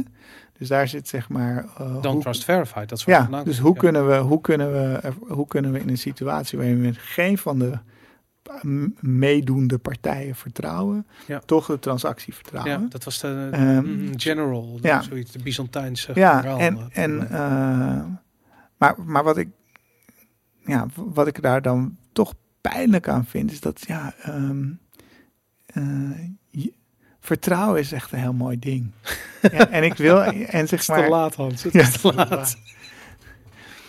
Nee, maar ja. Ik vind vertrouwen ook een mooi ding, maar het is een mooi ding op, uh, uh, uh, laat ik zo zeggen, het, het, idee dat we de overheid kunnen vertrouwen. Uh, daar werd mee gespeeld in het boek 1984. ja, nee, dat werkt niet. En het is klaar. Het is nu bewezen dat ze niet te vertrouwen zijn. Maar- en niet de individuele Tweede Kamerleden, daar gaat het niet om. Het gaat erom dat het grote instituten zijn niet te Ja. vertrouwen dat ze altijd eerlijk zullen zijn. Ja, maar als je, maar als je dat, die distrust dan ook in je persoonlijke relaties mee gaat nemen, dan gaat het dus Ja. mee. Dus zeg maar, een mooi voorbeeld. ehm, ik werk veel met juristen. Ik ben zelf geen jurist. Ja. En ik vind, zeg maar, op het moment dat je ehm, eh, een advocaat nodig hebt, dan Ja. is er iets misgegaan. Ja. Ja. Eh, omdat je blijkbaar geen goede afspraak met elkaar gemaakt, dat de verwachtingen niet eh, helder waren of Ja. whatever. Dus als ik een freelancer inhuur bij Bits of Freedom, Hm. dan eh, vinden mijn juridische collega's, Ja. eh, die zeggen, ja, je moet wel eh, goed afregelen hoe dat dan zit met het auteursrecht en dat het dit en. Concurrentiebeding. En weet ik- ja. En, en, ehm, en heel vaak zeg ik tegen zo'n freelancer, ja, dat, het is helder dat we het auteursrecht bij ons komt. Dus, dat, of ja, dus ze maken gewoon afspraken Ja. die soort van heel helder zijn. Hm. En dan ga ik ervan uit dat we. Want zeg maar, op het moment dat, dat we hier een rechtszaak over voeren, dan hebben we allebei verloren. Ja. Dus een soort van de, zeker, de rechtszekerheid die je uit een contract krijgt, is denk ik veel minder hoog dan je echt denkt. Ja. Ehm, en het kost ook weer meer moeite. Dus ik, ik, vind, ik vind dat je heel veel dingen wel op vertrouwen moet kunnen doen. Alleen niet, ja, Ik, don't trust Google. Ja. Ja, nou ja, ik, ik, laat ik zo zeggen, ik ben het met je eens. En ik vind dat vertrouwen eh, eh, zou iets moeten zijn wat vanzelfsprekend is. Maar ik denk dat het dat niet is. En het interessante is dat ik, ehm, kijk, ik ben niet een soort journalist dat ik soort van voor follow the money werk of weet ik veel wat. Maar in het beperkte segment waarin ik actief ben, Mhm. merk ik dat ik heel erg profiteer van mensen die gewoon hun mond voorbij praten. Eh, dingen tegen me zeggen die ze niet zouden Oh, moeten zo. zeggen. Ja, ja. En eh, dat, is, dat is als journalist is dat fantastisch, weet je. Ook al heeft het niet veel gevolgen. We hebben het nergens over, weet je. Maar mensen vertellen me dingen dat ik echt denk van... nou, hier, hier moet je baas niet achterkomen, bij wijze van spreken. Mhm. Ehm, en, de- en ik vind dat heel erg interessant. En ik vind het tof dat ze dat doen. Maar ik realiseer me dat aan de andere kant van het verhaal is. En ik realiseer me ook dat het menselijk is. En ik begrijp als geen ander dat op het moment dat, eh, eh, weet ik veel, wij hebben het hier over het OS wat we gebruiken op onze computer. En stel je voor dat we dat in de kroeg hebben. En dan zegt iemand van, nou, ik zag Boris en, eh, en die Hans, die zag ik in de kroeg. En die had het gewoon over de, weet je wat die hebben geïnstalleerd? Nou, die hebben, die hebben Linux gebruiken ze. Gebruik jij dat, Piet? Nou, nee, ik weet niet. Weet je, dat is menselijk. Mensen doen niks anders dan lullen over mensen die ze... Nou ja, en dat is ook dus de reden waarom zeg maar, mensen die echt eh, bezig zijn met hun veiligheid, die zullen dus nooit zeggen dat ze Cube Shit, Net zoals dat, ik eh, gebruik net zoals geen dat jij, Cube zo... Ja, net zoals dat jij geen bitcoin hebt. Nee, net zoals dat je, ik heb geen... en dat je geen prepper bent. Ja, inderdaad, ja. Nee, ja, nee maar dus zeg nooit iets over je operational security. Dus zeg nooit eh, welke apps je wel en niet gebruikt, wat voor telefoon je hebt, wat voor besturingssysteem, wat voor... Dat is allemaal... hoe minder informatie je daarover deelt, hoe beter. Ja. Als het allerbelangrijkste voor jou is dat je zelf veilig blijft. Ja. Ja. En wij hebben een ander doel. Wij proberen mensen misschien te informeren en na te laten denken over hun technologie. En ehm, als er na dit gesprek twee meer Cubes gebruikers zijn, dan zou ik heel happy eh, zijn. Ik, ik denk maar. dat het heel goed is inderdaad. Ja. En dan kunnen ze maar uitleggen hoe het werkt. ik vind het fucking moeilijk. Maar goed, dat, eh, ja, nee, je hebt helemaal gelijk, man. Dat, dat, dat, dat is ook zo. En, het, eh, en ik denk dat ook alles is altijd relatief, weet je. En er is, Ja. er is een bepaalde grens waar je, tot waar je kunt gaan. En dat, Ja, en voor mij, de, dus zeg maar, ik zie heel veel mensen in mijn vakgebied, die, die worden heel paranoïde.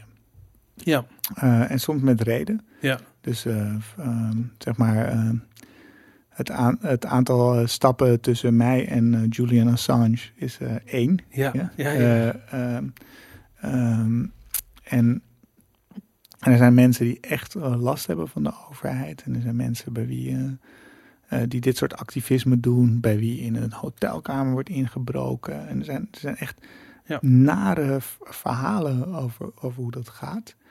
Um, dus, um, maar ik wil me daar dus echt. Uh, ik wil daar niet in mee. Nee. Omdat uh, op het moment dat je dat, je, dat, je dat doet, uh, dan ja, ja, het kost je zoveel.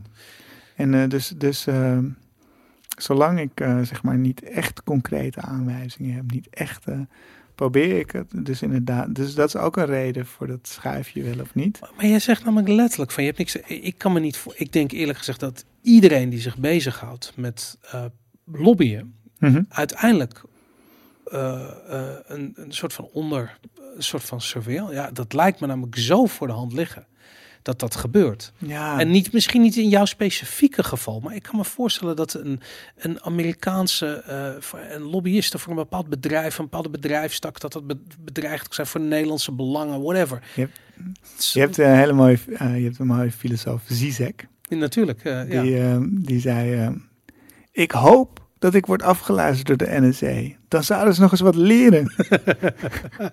ja, dat is. um, dus de, um, dus uh, ik wil. Um, ik zou het absurd vinden als de Nederlandse geheime dienst uh, echt actief probeert te zien wat ik doe. Want ja. ik denk, jullie hebben echt wel wat beters te doen dan dat. Ja? En, en ik denk dat we nog niet in zo'n absurde wereld leven ja. waarin dat het geval is. Um, uh, tegelijkertijd race ik, dat dat ook echt een privilege is om dat te kunnen zeggen. Want als ik in een, uh, uh, als ik een, wat ze dan extreem linkse dierenactivist zou zijn, die zijn denk ik, ja. of een, um, als ik voor um, wat activistisch in de moskee opkom voor moslimrechten, dan zou ik, um, denk ik, in de huidige maatschappij. Dus het is ook een soort risicoafweging. Ja. Um, en het is wel zo dat als ik echt een keer hele gevoelige informatie heb, dan behandel ik dat ook anders dan gewoon mijn normale dagelijkse dan, uh, e-mail. Ja. ja, dat snap ik. Dat is heel belangrijk. Hans, we zijn inmiddels al, uh, al ruim, al bijna 2,5 uur aan het praten. Ik vind het een... Zo mooi van het medium, ik hou daar wel van. Ja, ik vind het ook geniaal. En ik luister ja, ook, uh, uh, ik ga dit nog twee keer terugluisteren, omdat er zitten allerlei dingen in waarvan ik zoiets had van, ja, maar daar wou ik nog verder over praten, daar wou ik nog verder over praten. En misschien moeten we dat in de toekomst ook nog een keer doen op het moment ja, dat... lijkt me leuk. Ja, want er gebeurt eigenlijk elke dag van alles. Als ja, dat is ongelooflijk. Om het te volgen is vrij heftig. Ik... ehm ik schrijf elke week een, een, soort nieuwsbrief waarin ik het nieuws over deze dingen, ja. wat ik interessant vond, echt persoonlijk, um, uh, kies ik vijf, zes dingen daaruit, schrijf er een klein stukje bij ja. en uh, mail dat rond naar mensen. Dus uh, misschien dat je dat leuk vindt om te volgen. Ik weet zeker dat jij het leuk vindt. Ik vind het heel leuk. Dat weet andere lezers misschien ook. Um, ja, en we hebben, kunnen als Bits Freedom echt altijd steun gebruiken. Hoe, hoe gaan mensen uh, zich aanmelden? Hoe gaan ze jou vinden? Hoe gaan ze Bits of Freedom vinden? Uh, bof.nl. Dus uh, van, ja. ja. van Bits of Freedom. Of je kan ook bitsoffreedom.nl intypen. en dan kun je of naar doneren gaan of naar volg ons. En bij volg ons kun je je inschrijven voor onze generieke nieuwsbrief. Dan krijg je elke twee weken een soort van het nieuws wat wij proberen te maken. De dingen die wij doen. Um, of je kan je voor een wekelijkse nieuwsbrief van mij uh, inschrijven, waarin ik uh, zeg maar het nieuws over deze onderwerpen. Dus wat is er nu weer met Facebook gebeurd? wat is er nu weer met Google gebeurd? Hoe moeten we dat zien? Met een beetje context, uh, van, van context voorzien en doormail. Tof. Nou, fantastisch. Cool. Hans, hartstikke bedankt nogmaals voor je komst. Heel graag gedaan. ja, top. Thanks jongens. Bedankt voor het kijken, bedankt voor het luisteren.